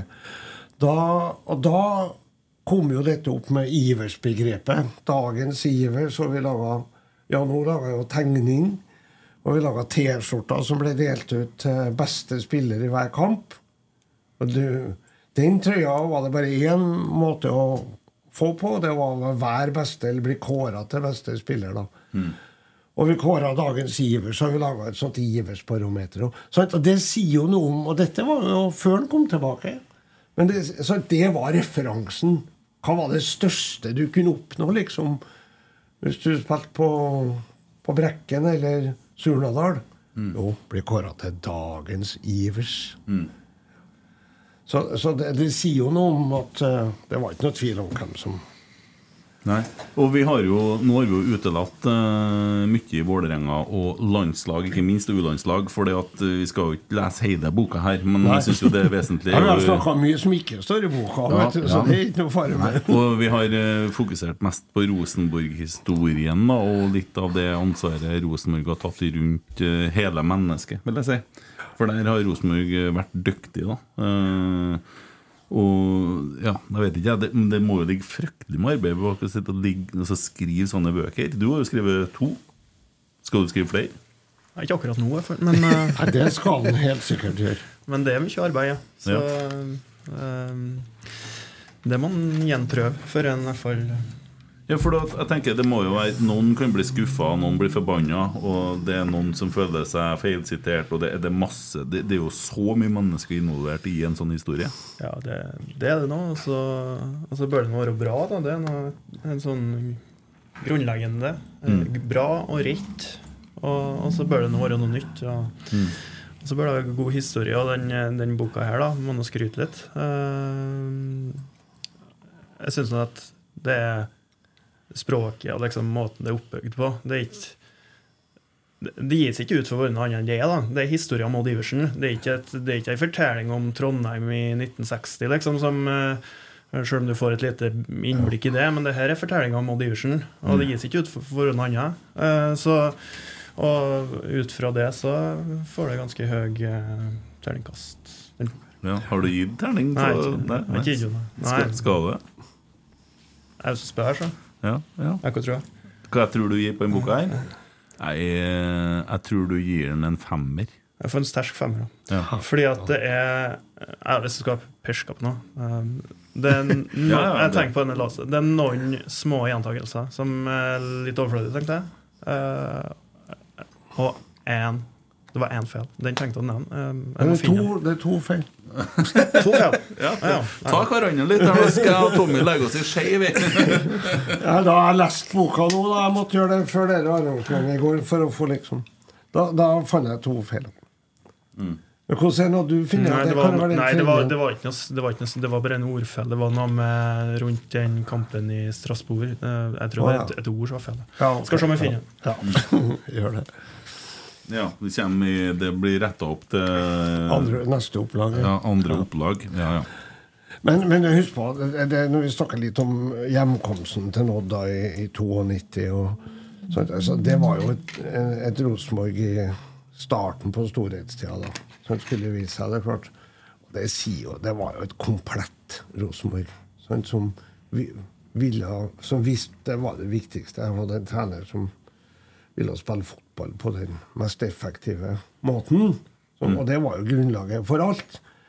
Men sant, de folkene som var rundt der, altså Knut Skoglund og Nils Gutle og Bjørn Hansen og you name them Hvis du begynner å ramse opp sånn, så glemmer vi jo noen. Og den ydmyke spillerstanden og sånt. Og de hadde også da kapasitet til å gjøre det de gjorde i forhold til Odd, da. Mm. ja, jeg tror det er viktig i, i den sammensetninga at du har, har akkurat den biten der òg. Ja, og det var husk på, det var en klubb som reiste på bygda og spilte kamp hver onsdag. Mm. Ikke hver onsdag, men mange onsdager hvert år, da. De, de var i Valdresund. Der Ja, jeg var der, jeg. Ja. Jeg var trener for det andre laget. Må det det? Ja. For FK Fosen? Det, eller det Ja, som var Fosen-laget, da? Ja, ja, ja, Fosenlaget. Ja. Ja. Jo Tessem var jo med. Håvard Moen. Ketil Jeg kan ramse opp hele laget. Herlig. Ja. Ja. Um, Spilte Jo Tessem på FK Fosen? Han er fra Nei, altså på det, det var et sånn sammensatt Å, ja, ja. Ja, ja, men lell. Det var Ja. ja, han spilte for, uh, for Ørland ballklubb, ja. Ja. Har han et sånt- spilt i Rosenborg? Nei. Det var jo en av de Lyn. Ja, det var jo en av Jeg henta han til Stjørdalsblink. Ja, Og så kom han inn på Politihøgskolen, og så gikk han til Lyn. Mm. Uh, det var jo en av de tingene han Nils eh, ikke plaga seg så mye med, men han, han glapp jo for han. For Nils han Jo TCM. Mm. Og Odd Inge Olsen, men han fikk han jo henta tak i. Ja. Det, Men- det er et par til som glapp for den. Uh, ja, er det for en de to? Ole Gunnar Solskjær. Ja, ja, ja det, det er korrekt. Veldig helt Kjetil korrekt. Rekdal. Ja, i hvert fall eh, ja. Men, men av dem som var liksom Dem var ikke så opptatt av, for de kunne akseptere at de mista, liksom. Mm. Men han ville ha en Kjetil som erstatter til en Sverre. Ja, han var veldig i tvil Mm. den gangen. da Det ble jo en Bent.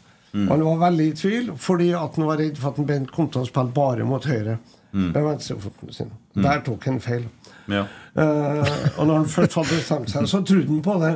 Ja. Men, men det jeg skulle si, det var altså et Rosenborg, en klubb som var sportslig godt, og som og Nils så jo den sportslige nytten av å reise rundt og spille sånne kamper som den i Vallersund. Mm. Eh, Men samtidig så var han minst Han og de øvrige like opptatt av at de måtte ut der og være i grein på det treet som Det var ei grein på det treet som var trøndersk fotball, da. Ja. Vi er sjøl ei grein på det treet, liksom. Ja, ja, det var, det var jo helt enormt for oss uh, guttungene der. Altså at Rosenborg kom utover til oss. Det, det, Det var en ganske tøff match der. der. ja. Uh, Det var han, Særlig han Ketil Nøvik var råtøff. Det var en del harde taklinger, så de ble litt eh, Rosenborgerne var litt sur. Jeg husker på ferja tilbake, Nils Arne var forbanna på Ja. meg. Ja. Eh, Velkommen til Valdresund, sier jeg da. og, og litt senere så husker jeg snakka med Stig Inge Bjørneby, som da hadde gått til Liverpool, og så spilte jeg en sånn tredjerunde cupkamp, eller kanskje liga. Spilte mot et lag i lavere divisjoner. «Ja, Hvordan er det, da?» sa jeg til Stig. Det skal jeg fortelle deg. Sånn. Ikke på trøndersk. men Det er akkurat som å komme på bygda og spille mot disse lagene du holder på is opp. sånn. og det var den kampen der. Ja, det var i Valdresund, vet du. Ja. På Marienborg Men jeg har spilte flere sånne kamper i den ja.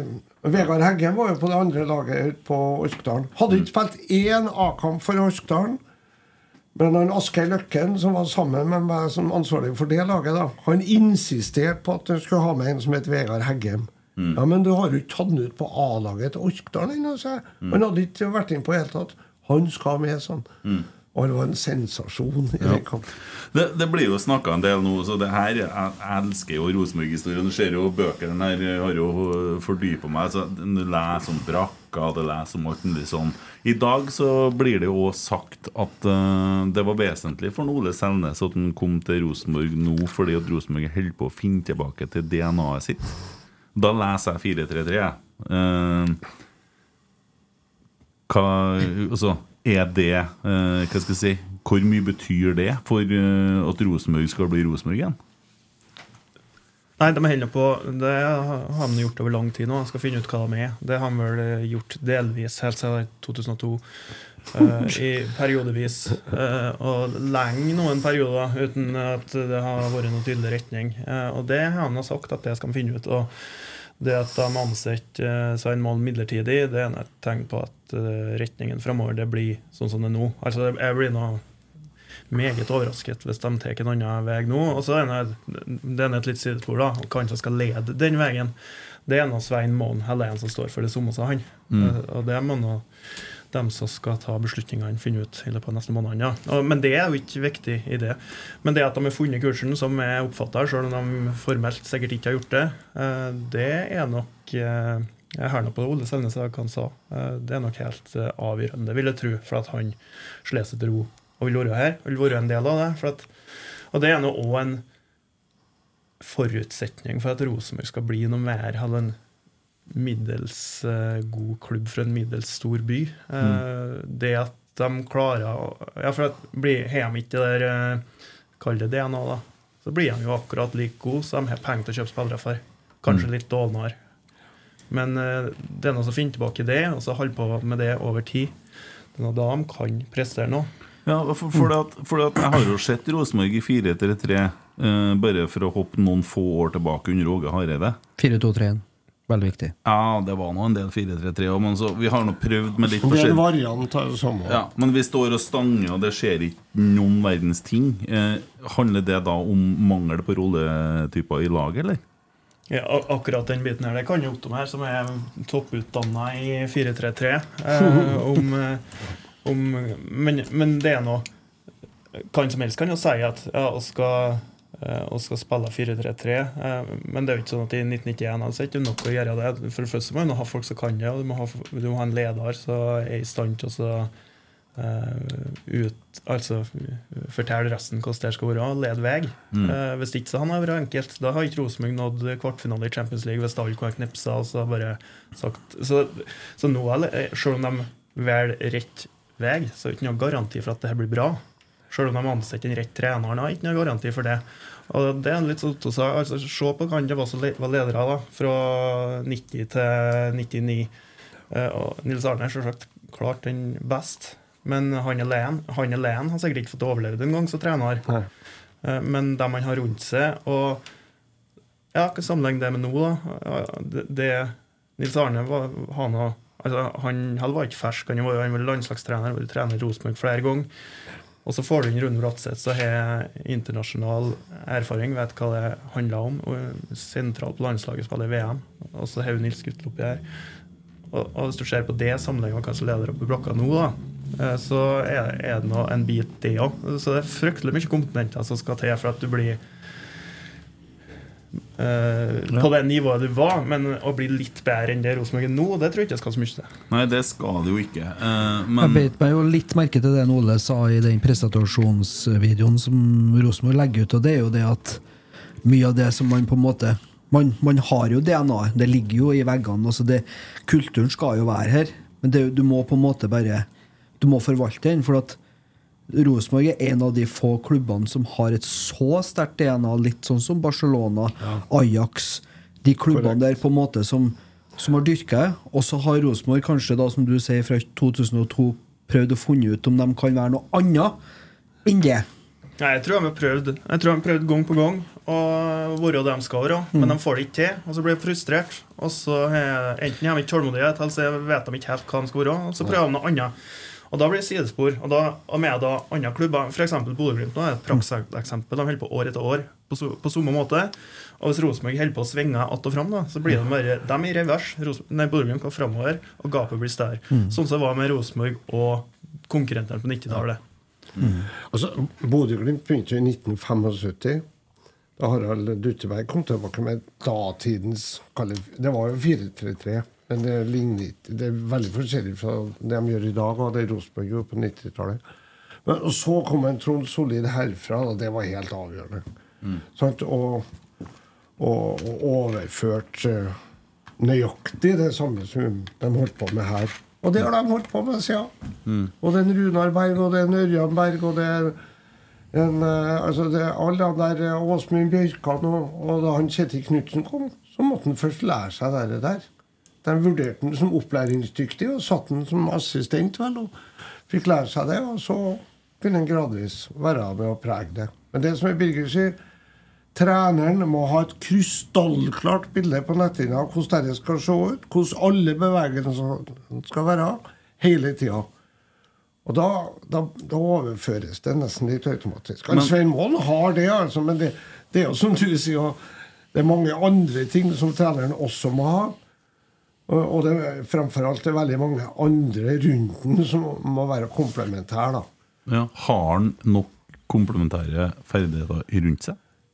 Nei, svaret på det i dag er jo nei. Med utropstegn. Vi må være ærlige. Altså Hvis du teller opp alle i sportslig avdeling i Rosenborg, så er det Jeg kjenner mer eller mindre alle sammen, tror jeg. Og jeg kan si om alle sammen at det er dyktige folk.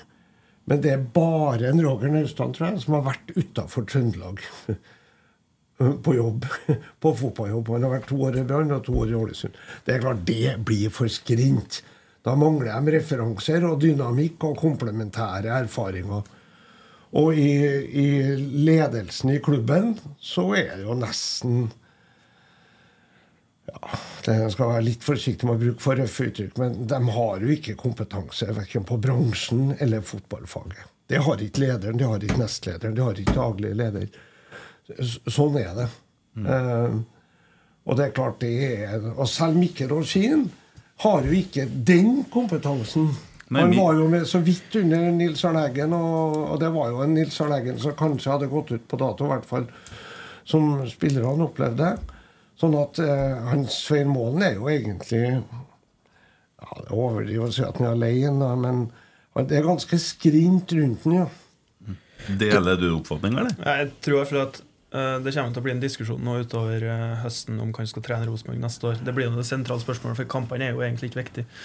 Og um, Svein Målen er jo ikke noe bedre trener om han vinner de fire neste kampene, eller om han taper dem 5-0, egentlig. Selv om f- 4-5-0 Altså det med det med å ha dårlige opplevelser nå, det vil jo svekke den. fordi at Spillerne må ha trua på det her når de skal starte i januar. Ole Selnes må ha trua på det.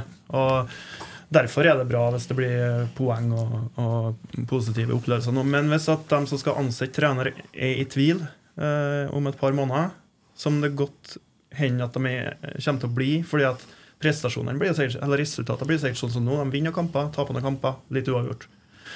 Og hvis det da er i tvil, så tror jeg det at eh, mangelen på folk i ledelsen i Rosenborg nå, så er en morgen inkludert, så ikke så har jeg ikke erfaring fra noe annet enn Rosenborg, som ikke har vært i utlandet, som ikke har vært på høyere nivå, Eh, det blir mye ja, Bakgrunnen for Ranheim fra Stjørdals-Blink. Eh, akkurat det tror jeg kan bli en, eh, noe som sørger for at Svein ikke får den jobben. her Hvis at de ansatte er i tvil, for det kommer han til å bli tatt på. Kanskje helt ufortjent, men da kan det være enkelt å møte den kritikken med å ansette en såkalt sterk mann, eh, eh, som da kommer over Svein Målen. For at jeg ser på det som helt uh, Hvis de ikke endrer kurs, så skal Svein Målen være med i det trenerteamet neste år. Og det kan være helt fornuftig å, få en eh, sterk mann, men at det er rett argumenter som blir bruka. Men hvis, det kan jo være en som jobber sammen med Svein Målen, og der Svein er assistent, men der de er enige om hvordan det skal se ut. Ja, det ser på seg forutsetning, at de Ja. går i den eh, Retningen. de er nå. Og det er jo enkelt å peke på Per Mathias Høgmo her, da, bare for å ta et navn. Eh, hvis han kommer hit, og Svein Målen er assistent neste år, kan jo det et superteam, det. Åpner jo mulighetene for litt diktbøker og litt sånn i framtida. Det... Men, men, men, men det, det, det, det må enda mer til. Men altså. vi, vi har jo snakka om det i timevis her i poden, og noen mener at Svein noen bør få ett år til, og at det kanskje andre plasser man bør se på. Skulle man da ha erkjent at ja, sportslig altså Vi, ser vi snakka om Tromsø, hvor flink han som sitter der, og det systemet de har, for de henter i Oslo mye og opererer i store så, ma- masse klubber som faktisk er flinkere enn oss, bl.a. på spillerlogistikk. da Ja. det er jo, det Kanskje på det det heva over, en, ja, heva over punktet. enhver tvil at det finnes klubber i Norge som er bedre enn Rosenborg på en del ting her. Burde vi f.eks. ha gått til Bodø og fridd til en Berg om å komme og jobbe i Rosenborg? E- Eller noe i den gata. At vi kanskje ikke skal tenke på For hvis at dem som skal ansette en Svein, ikke har nok kompetanse, da har vi jo et kjempeproblem. Jeg var Rosenborg skjønner hva de er med nå. da. Det er ikke, jeg tror ikke bare å gå og hente eh, folk eh, i Glimt. hvis Nei, det var bare et eksempel, da. Men eh, kanskje fra Tromsø eller fra Sarpsborg. Man, eller at man bruker altså Vi brukte jo hodejegerfirmaet for å finne en Tore Berdal. Men, men se Sarpsborg, da. De, har jo på en måte vært egentlig et eh, godt eksempel på hvordan man kan drifte klubb og, og våge å altså Ja, de har kanskje ikke fått det råeste, de har, har en cupfinale, men de har vært i et gruppespill i Europa i løpet av den korte tida den klubben har levd. Thomas Berntsen ble henta over til Sverige. Eh, da henter med en sjefsspeider som er, har jobba i Brentford, også som er i England. Altså, de våger faktisk å, å, å ta nesa ut av Trøndelag, ut av det lille vi har her, og faktisk hente inn kompetanse som skal på en måte bygge den klubben videre. De tør å satse på en Billborn fra Sverige som, som har gjort det godt der. Og så er det på tide at vi løfter blikket og ser utafor landegrensene. Har vi brukt opp Norge litt? Altså, Per-Mathias, ja, greit nok, nei, men Det tror ikke jeg vi har. Men altså, jeg har vært på studietur i, i vår både i, i Århus, der Stig Inge Bjørnøy er sportssjef, og i Gøteborg hos uh, Hekken. Hekken er jo Det er jo euforisk for meg, for de spiller jo akkurat sånn som Rosenborg på 90-tallet, f.eks. Mer enn Bodø-Glimt gjør. Og slår 60-meterspasninger i bakrommet, som folk har sagt ikke er mulig lenger. Det er det. Men det, det, det som var enda mer interessant, var å komme til AGF, som spiller på en helt annen måte. Men der alle spillerne er håndplukka i rollen. Du ser han der, der De spiller med tre sentrale midtstoppere. Og han venstre midtstopperen der, han kunne ikke spilt noe annet enn det. Og de har to sånne kantspillere og sånne bikkjer som springer opp og ned litt. ja. Du ser det med en gang. Alle elleve og dem som blir satt inn nå, de blir satt inn i rollen. Ja, og det er klart at Freia som er Birger sier, nå må jo Rosenborg begynne med å tegne rollene igjen.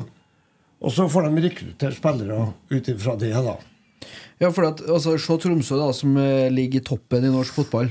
De har knapt brukt ei krone på spillere. De har henta Painsil fra Kjelsås i andredivisjon. De har henta Romsås fra Jeg husker ikke helt hvilken klubb det er, men det er òg førstedivisjon. Så, så det handler jo ikke Kristoffer uh, Suké satt på benken i KBK. Altså Det er spillere på en måte som hver for seg kanskje ikke er de største navnene, men i det systemet til en Gaute Helstrup, og i den på en måte håndplukkinga som han eh, men det, Ja. det er greit, det der, for det, det går på å se hvor flinke de andre er. Men poenget er at Nei, eller uh, at de gjør jo på mange måter det samme som Rosenborg gjorde i Ja, men er ikke det et problem hvis de som skal finne ny trener til Rosenborg, ikke har nok kompetanse. Jo. Burde ikke da styret ha sagt at ok, det, Svein har, eh, har på en måte Hva heter det som står i boka? til postulatene i orden. Han har det litt sånn klart. Det er, det er i den retninga vi skal. Vi, vi går et år til, for at vi må gjøre en del andre endringer. Og så er det klart at Men det finnes jo noen i Rosenborg i rettferdighetens navn. Ja, ja. Riise sitter i styret, og om Tore Reginussen sitter i styret. Mm. Men det sitter ni andre der òg. mm. Ja, enn en så lenge. De skal jo bort, en del av dem. da Fordi at det skal Ja. ned til sju. Ja, Mm. og det er selv det for mange. Men, uh, men men det er klart at, uh, at de, de må vite hva de leter etter. Og det er ikke lenger sånn 25 sånne spillere som kan dette spillet som Rosenborg nå, etter min mening helt rett, da, er i ferd med å vedta at de skal tilbake til. Um, men da må vi i hvert fall ta vare på dem som kan det. Og så må du komplettere med noen andre som kan det. Mm. Uh, Svein Målen kan det. Men Per Mathias, min gode venn Per Mathias, han har holdt på med mye annet i mellomtida. da. Har vært trener sammen med ham. Da spilte vi sånn som dette her. Men, Kunne, eh, kunne Per-Mathias Høgmo vært en god sportsdirektør?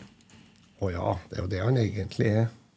Det er vel en sånn rolle han kunne ha tatt da hvis eh, han kommer til Rosenborg nå og Svein Malen uh, Hvert gjør det stort sett som han ja. gjør nå. Ja, han, eller han ja, kunne ha vokst seg inn i en sånn rolle, i hvert fall. Mm.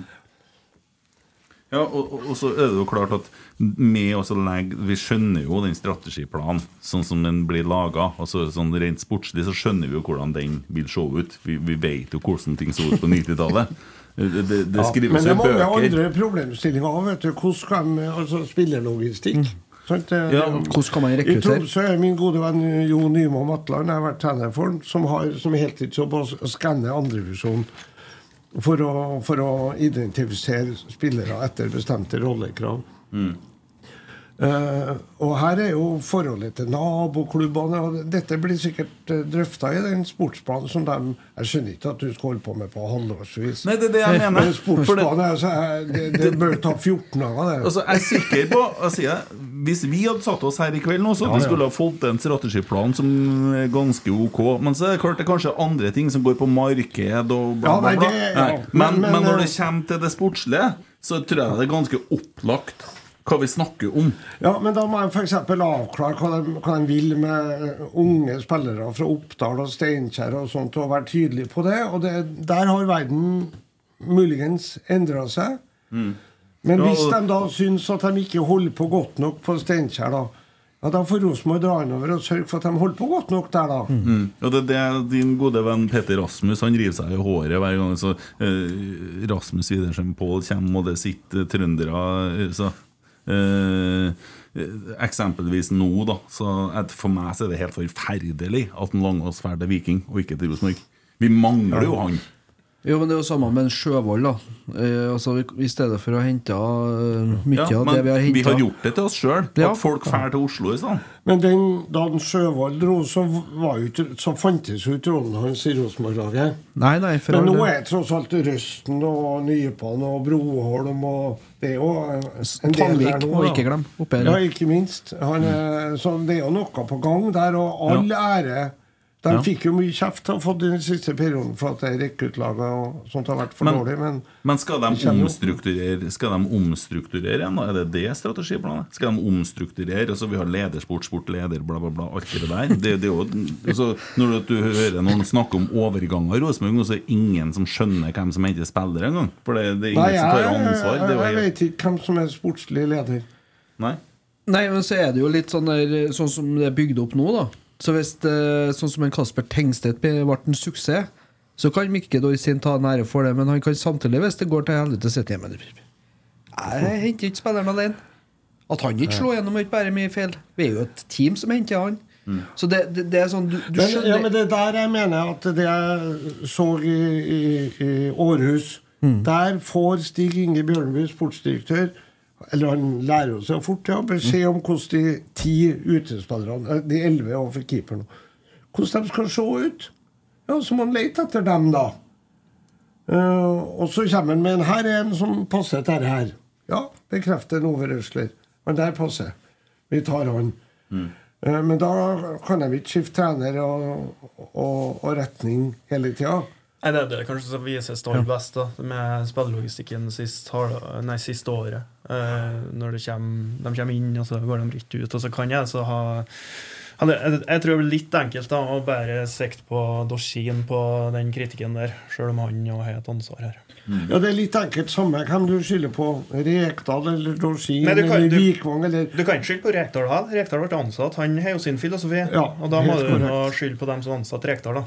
Men det må være kompetanse fra toppen av. Spesifikk kompetanse på, på bransjen og faget. Birger Løfvold er jo en flink fyr. Men det er ingen som har vurdert å ansette ham som banksjef i Rindal Sparebank for det. altså. Etter det jeg vet, da. Nei, det du ikke vet, men Ja. Nei, men sant, altså, fordi at den er- kompetansen er spesifikk. Eh, og, og det er den jo i alle bransjer. Og, og det er jo godfotteoriens uh, Noe av det viktigste her. Av 100 ferdigheter så har de fleste av oss mangelfullt utvikla 95 av dem. Da må vi få holde på med de tre-fire-fem som vi har kompetanse på. Og det gjelder i fotball som i alle bransjer. Det er kanskje det jeg savner mest i Rosenborg i dag. Det er ledelse som har erfaring fra topp Altså fotballnivå. eh, Ikke som på en måte kommer fra lavere nivå, da, men som har vært i eliteserie eller i superliga i Danmark eller i Allsvenskan eller utafor de grensene òg, hvis det skal Ja. Men som har topp, og gjerne internasjonal fotballerfaring, som Eneste gangen vi på en måte Når vi sydde den sportsdirektørrollen, Rune Bratseth, som kommer rett fra Bundesliga Ja, og men i Bodø-Glimt og Tromsø, som dere har referert til, så er det ingen som har den kompetansen. Ørjan og Runar Berg? Ja, ikke, ja, ikke internasjonalt. De har jo Begge har spilt utlandet? Ja, ja, for all del. altså, Men de, Og på landslag? Ja, de, men de er jo fra Bodø, og det, det er jo Bodø-arven de forvalter. For all del. Og han eh, Gaute i, i TIL han har jo vært trener i, inne i dalen, som de sier, i eh, halve livet. Og har jo utvikla seg der. Sånn at det er jo den, det er jo den trønderske kompetansen. Men du må ha referansene. Det er enig i. Ja, men det er der Ørjan og Runar kanskje har vært og henta seg i, både i Trøndelag og i utlandet. Det er jo det som er veldig fort gjort, da, hvis en ser på Rosenborg-historien. At eh, altså, altså jeg tror kan skje nå òg, og kanskje uh, med feil begrunnelse at hvis ting ikke lykkes bra nå, hvis det ikke blir noe lang seiersrekk Nei, da skal vi se For Rosenborg vet ikke helt hva de vil gjøre. Da må vi se, da må vi finne annet. da Sånn som det ble da ja, ansettelsen av Hareide, ansettelsen av Hamren egentlig òg. Eh, når det ikke funka det de egentlig ville. Nei, De var en sterk, såkalt sterk mann, da. Og da er det ikke så mye eh, fokus på hva skal klubben være igjen. Eh, men så funka ikke det igjen. Så går det tilbake til det. Og det er jo det som er en fare nå. At ja, det kan jo være bra å hente en som skal utfylle målen. Og være en over han, hvis at han står for det rett. Ja. Men hvis argumentasjonen for å hente er at vi trenger en sterk mann fordi Svein Målen ikke har vært i utlandet, så blir det feil. Hamren er det beste eksempelet. vet du, Der er jo nesten ingen som er enig med meg, men jeg har rett. Han er jo en fremragende fotballtrener. Og leder. Han hadde jo ingenting i Rosenborg å gjøre.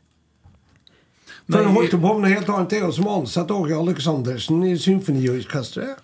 Ja, altså, og, og det gikk jo som det måtte gå. Og, og, det, og det er klart at når de skulle ut og spille internasjonalt, så var jo det Hamren holdt på med, i klubbsammenheng, sjanseløst. Mm. Men han var jo uslåelig i Norge ved å spille 4-4-2 Ja, ja, altså, det, det har vært mange diskusjoner om hvorvidt folk liker Hamren eller ikke. Nei, men Det ikke snakk om å like, men, dette er jo, men altså, fot, fot, Fotballen hans, da. Eh, Ja. og, og, Ja, den er, kan du like. ja, men, og, men, men, men den passer ikke i Rosenborg. i forhold til det, og det er jo det der Cecilie gikk til valg på, og det er der hun har så rett. da For bare, bare de siste fem årene så har vi sannsynligvis brukt 35-40 millioner på trenersparkinga med arbeidsgiveravgift. Og det er da når du ansetter en ny. Og det er uten omveltningene. Og omveltningene har vært voldsomme. Og da tenker jeg på skifte av spillestall. Det er helt, helt hinsides så mye gjennomtrekk det har vært på det brakka her. Og vi har bytta oss ned. Vi har bytta oss ned og ned, og pila nå peker faktisk mot den dårligste sesongen siden før 85. Siden, 19, siden nedrykket i 1977. vel? Ja, for det dårligste vi har gjort, siden som jeg vet sånn, Nei, det, jeg tror du må tilbake til 77. Ja. Det er sjuendeplassen i 2005 er det dårligste. Ja, akkurat. Ja. Og vi, vi ligger under det nå. Vi ligger under det nå. Og det, det er det vi har fått til. Og vi satt og var Norges rikeste klubb i 2018. Det måtte vi jo være. Med de prestasjonene vi har hatt. Det er helt merkelig. Jeg var i sær, særstilling i 2018. Da det, var, det var bare å komme seg videre. Da, som, altså, helt rett tankegang, da, sånn som Rosenborg Ja. skal tenke. Komme seg videre, ta det et steg videre.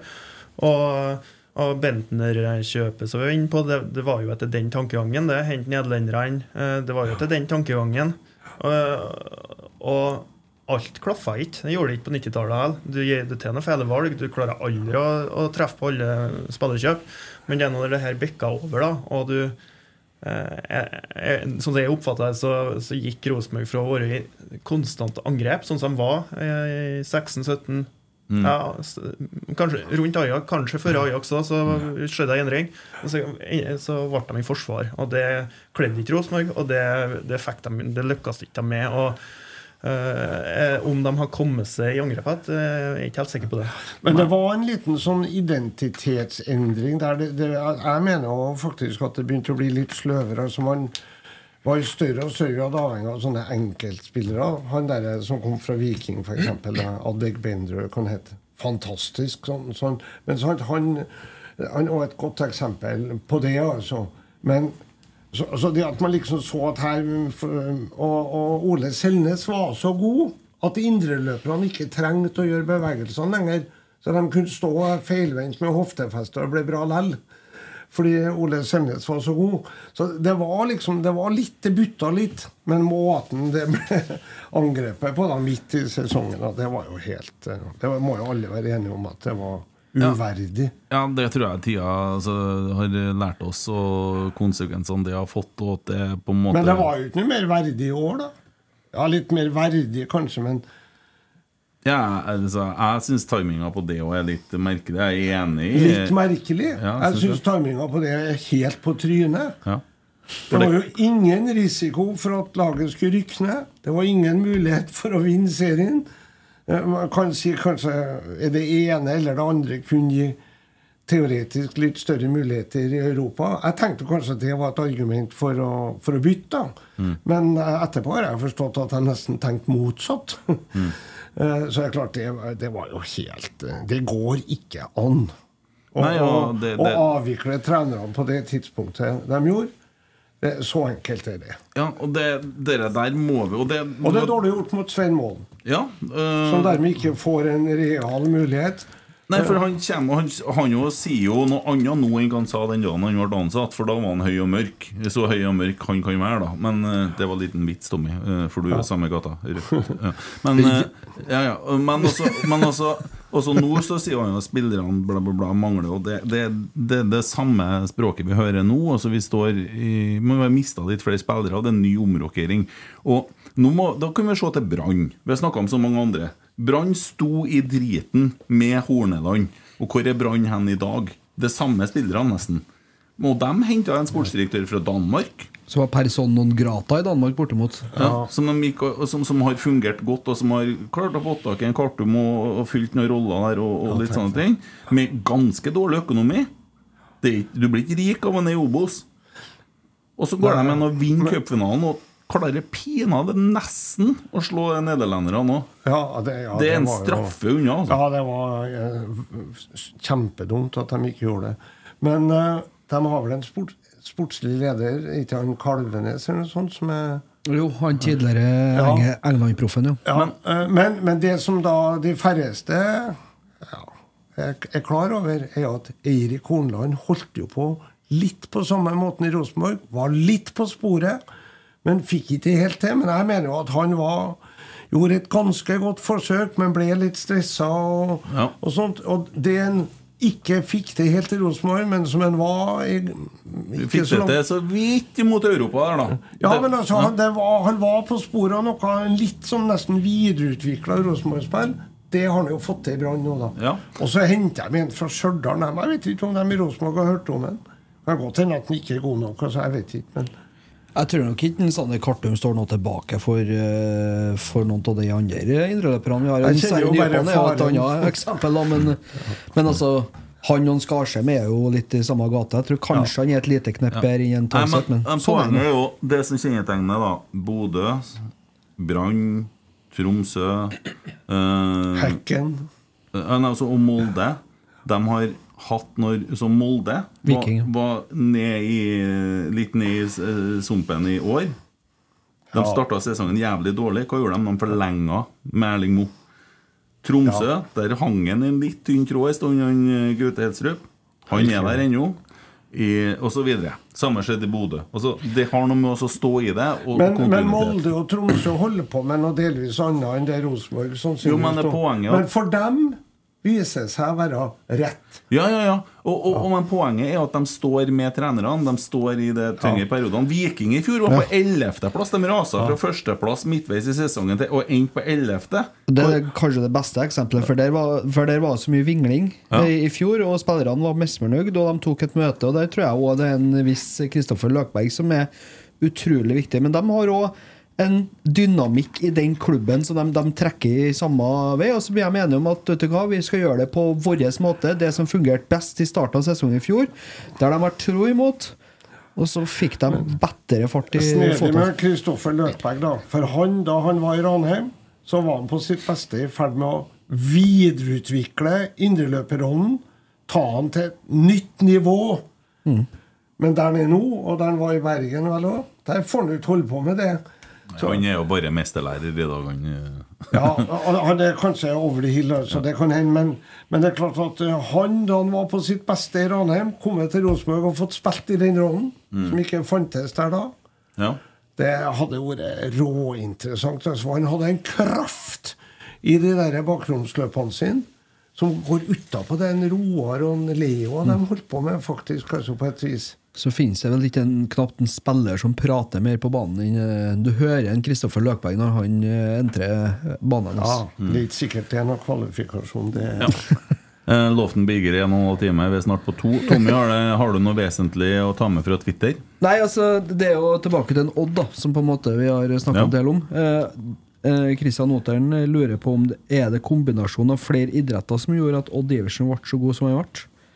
Og nådde han noen gang ut sitt makspotensial? Ja, han nådde jo makspotensialet sitt eh, i 69, 70 og 71, så han kunne sikkert ha blitt.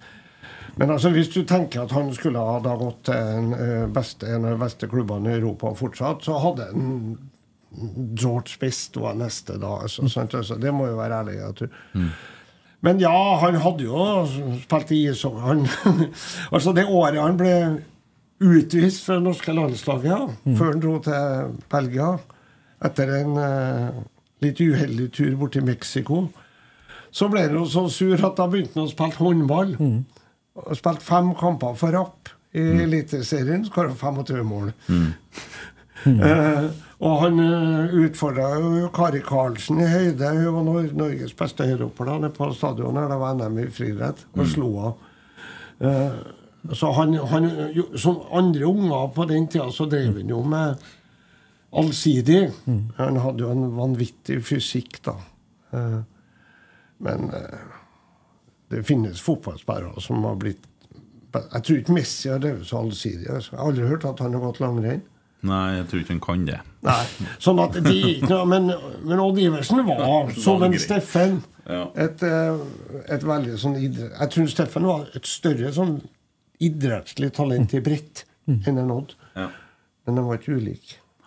Du har du den eh, torsdagsbikkja Og har du fått noe fra han òg? Ja. vi trenger ikke den, bare Ja. ja.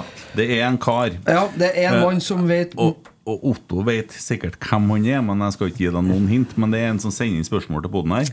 Han vet alt om alle. Det er helt snålt. Jeg tror du fikk spørsmål fra han når du var her eh, en gang òg, som var sånn der spesielt. Det er sånn, ja, det er på nerdenivå. Vær så god. Otto, du har ofte blitt observert med denne klassikeren av en genser fra OL på Lillehammer Ja. i eh, 94. Den har både blitt brukt til hverdags og ved festlige anledninger.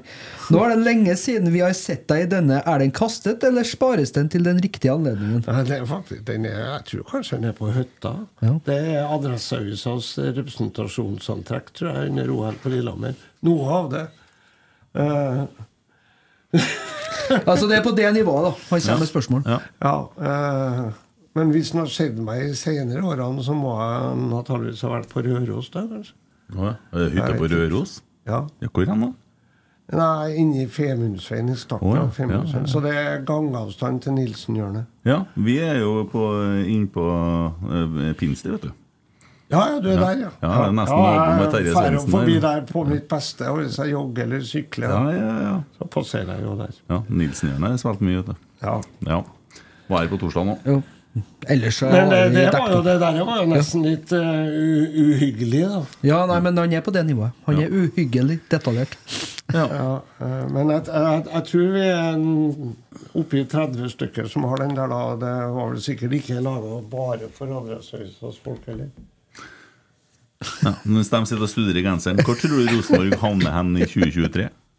I år, altså? Mm. Nei, så, eh, det, det de er det, Cirka der de er nå. Ett hakk opp, ett hakk ned. Jeg tror, jeg tror ikke det er stor grunn til å forvente så mye annet. Jeg tror ikke at eh, Ole Selnes kommer til å revolusjonere det her. Men uh, neste år så må vi håpe på det. Mm. Nei, hva Ja, midt på tabben. Men du, jeg skal helle litt kaldt vann i blodet. Altså, altså, jeg mener at eh, Svein Målen er min venn. Svein Målen er faglig meget kompetent. Jeg mener at Svein Målen burde fått sjansen i Rosenborg på det optimale tidspunktet for seg og klubben. Eh, Det, og nå er han kasta ut på dypt vann for å se om han kan svømme. Det er klart at den prestasjonen i Tromsø, den er så dårlig at den er vanskelig å vaske av seg. Altså. Mm. Det er, jeg, jeg tviler på at Rosenborg noen gang siden 1977 har spilt en, norsk, en fotballkamp mot et annet norsk lag uten å skape målsjanser.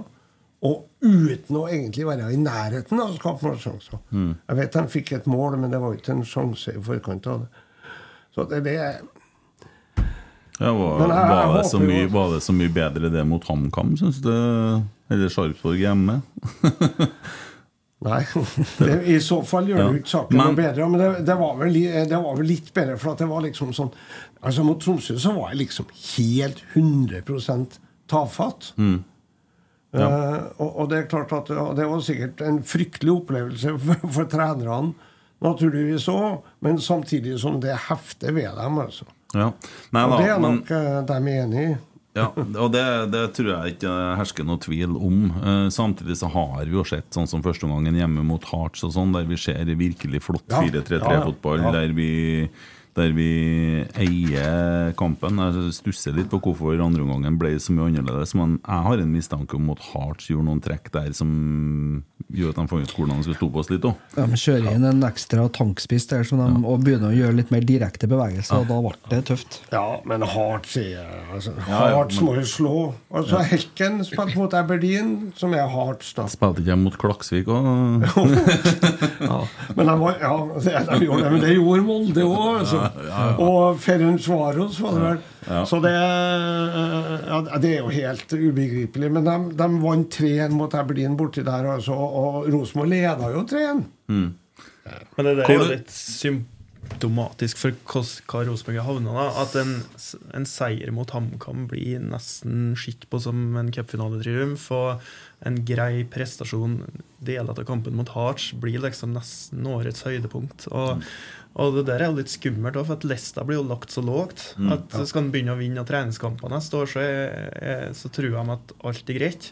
Uh, og, og det er en fare litt likens det blir sagt at DNA-et ligger i veggene Det ligger jo ikke noe i veggene på Brokka Nei. hvis det ikke er folk der som vet hva det er. Og det og det er jo en sånn hvi- hvilepute eller, eller sånn Det der er noe som Rosenborg sliter litt med. da At det blir enkelt å lene seg tilbake på. Det, og det, det er jo minussida med den fantastiske historien. Ja, men den må de, den børa må de bære. Jeg har aldri hørt noen som har sagt at Bayern München skal, skal en tur ned i andre Bundesliga. Jeg har aldri hørt noen si om Ajax eller Real Madrid eller Barcelona eller Liverpool eller United. Og, eller, og det er jo det vi sammenligner med. Vi har ett eksempel, og det er IFK Göteborg, som har kollapsa. Alle de andre storklubbene de er storklubber konstant, og de er dømt til å være det. Og det krever sterk rygg det for å bære en sånn historie. Og det er jo, Mm. det som er, altså det er jo noen minussider, men det er noe så mye mer oppsider hvis du klarer å utnytte det. Ja. Men det kommer ikke av seg sjøl. Det, Det, er ikke, det, legger, det ligger ikke i veggene. Nei, men Nei. det kommer ikke av seg sjøl i Bayern München, Real Madrid eller Barcelona heller. Nei. Men de, de holder på med det samme, og de har kontinuitet og kompetanse.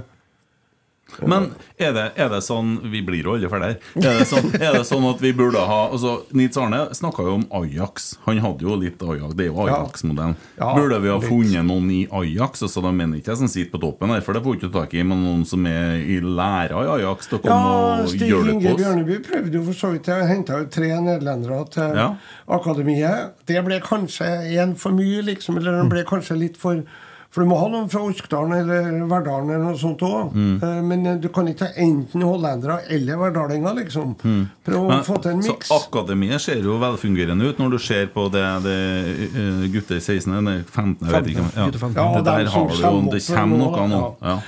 Men um, ja, det, altså, det er jo ingen som kan dette så godt som altså, Nils Arne, Det er jo riktig at han dro til Ajax og til Holland og hadde et par møter med han Rinus Mitchell, som han Mitchell aldri huska.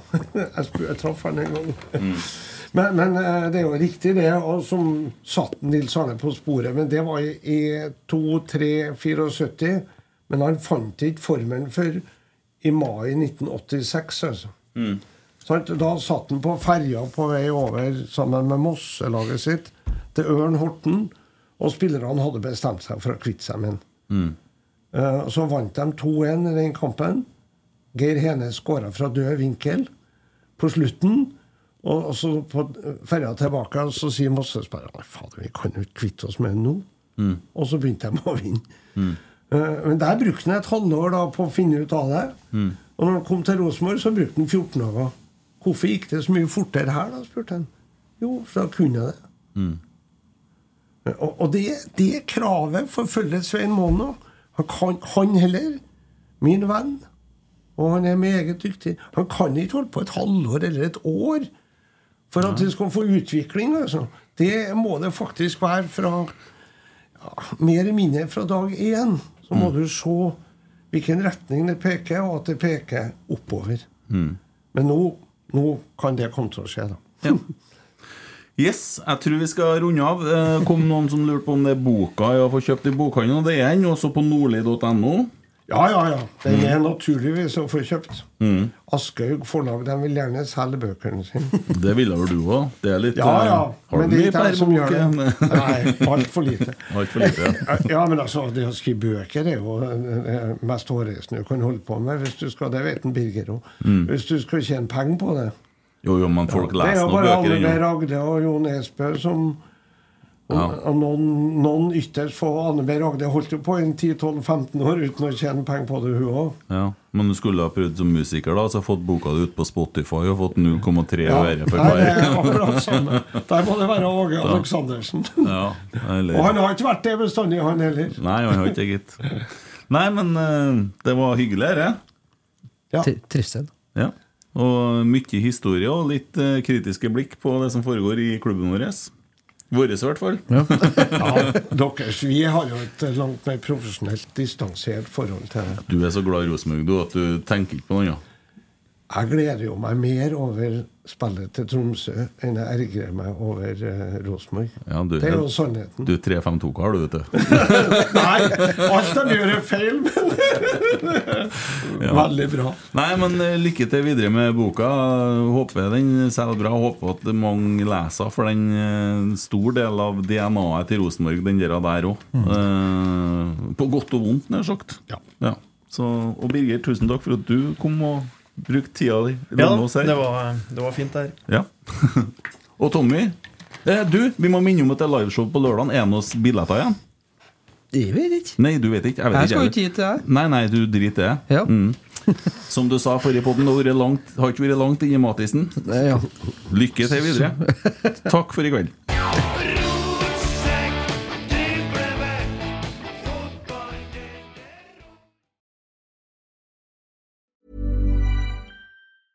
Planning for your next trip? Elevate your travel style with Quince. Quince has all the jet setting essentials you'll want for your next getaway, like European linen, premium luggage options, buttery soft Italian leather bags, and so much more. And is all priced at 50 to 80% less than similar brands. Plus, Quince only works with factories that use safe and ethical manufacturing practices. Pack your bags with high-quality essentials you'll be wearing for vacations to come with Quince. Go to quince.com/pack for free shipping and 365-day returns.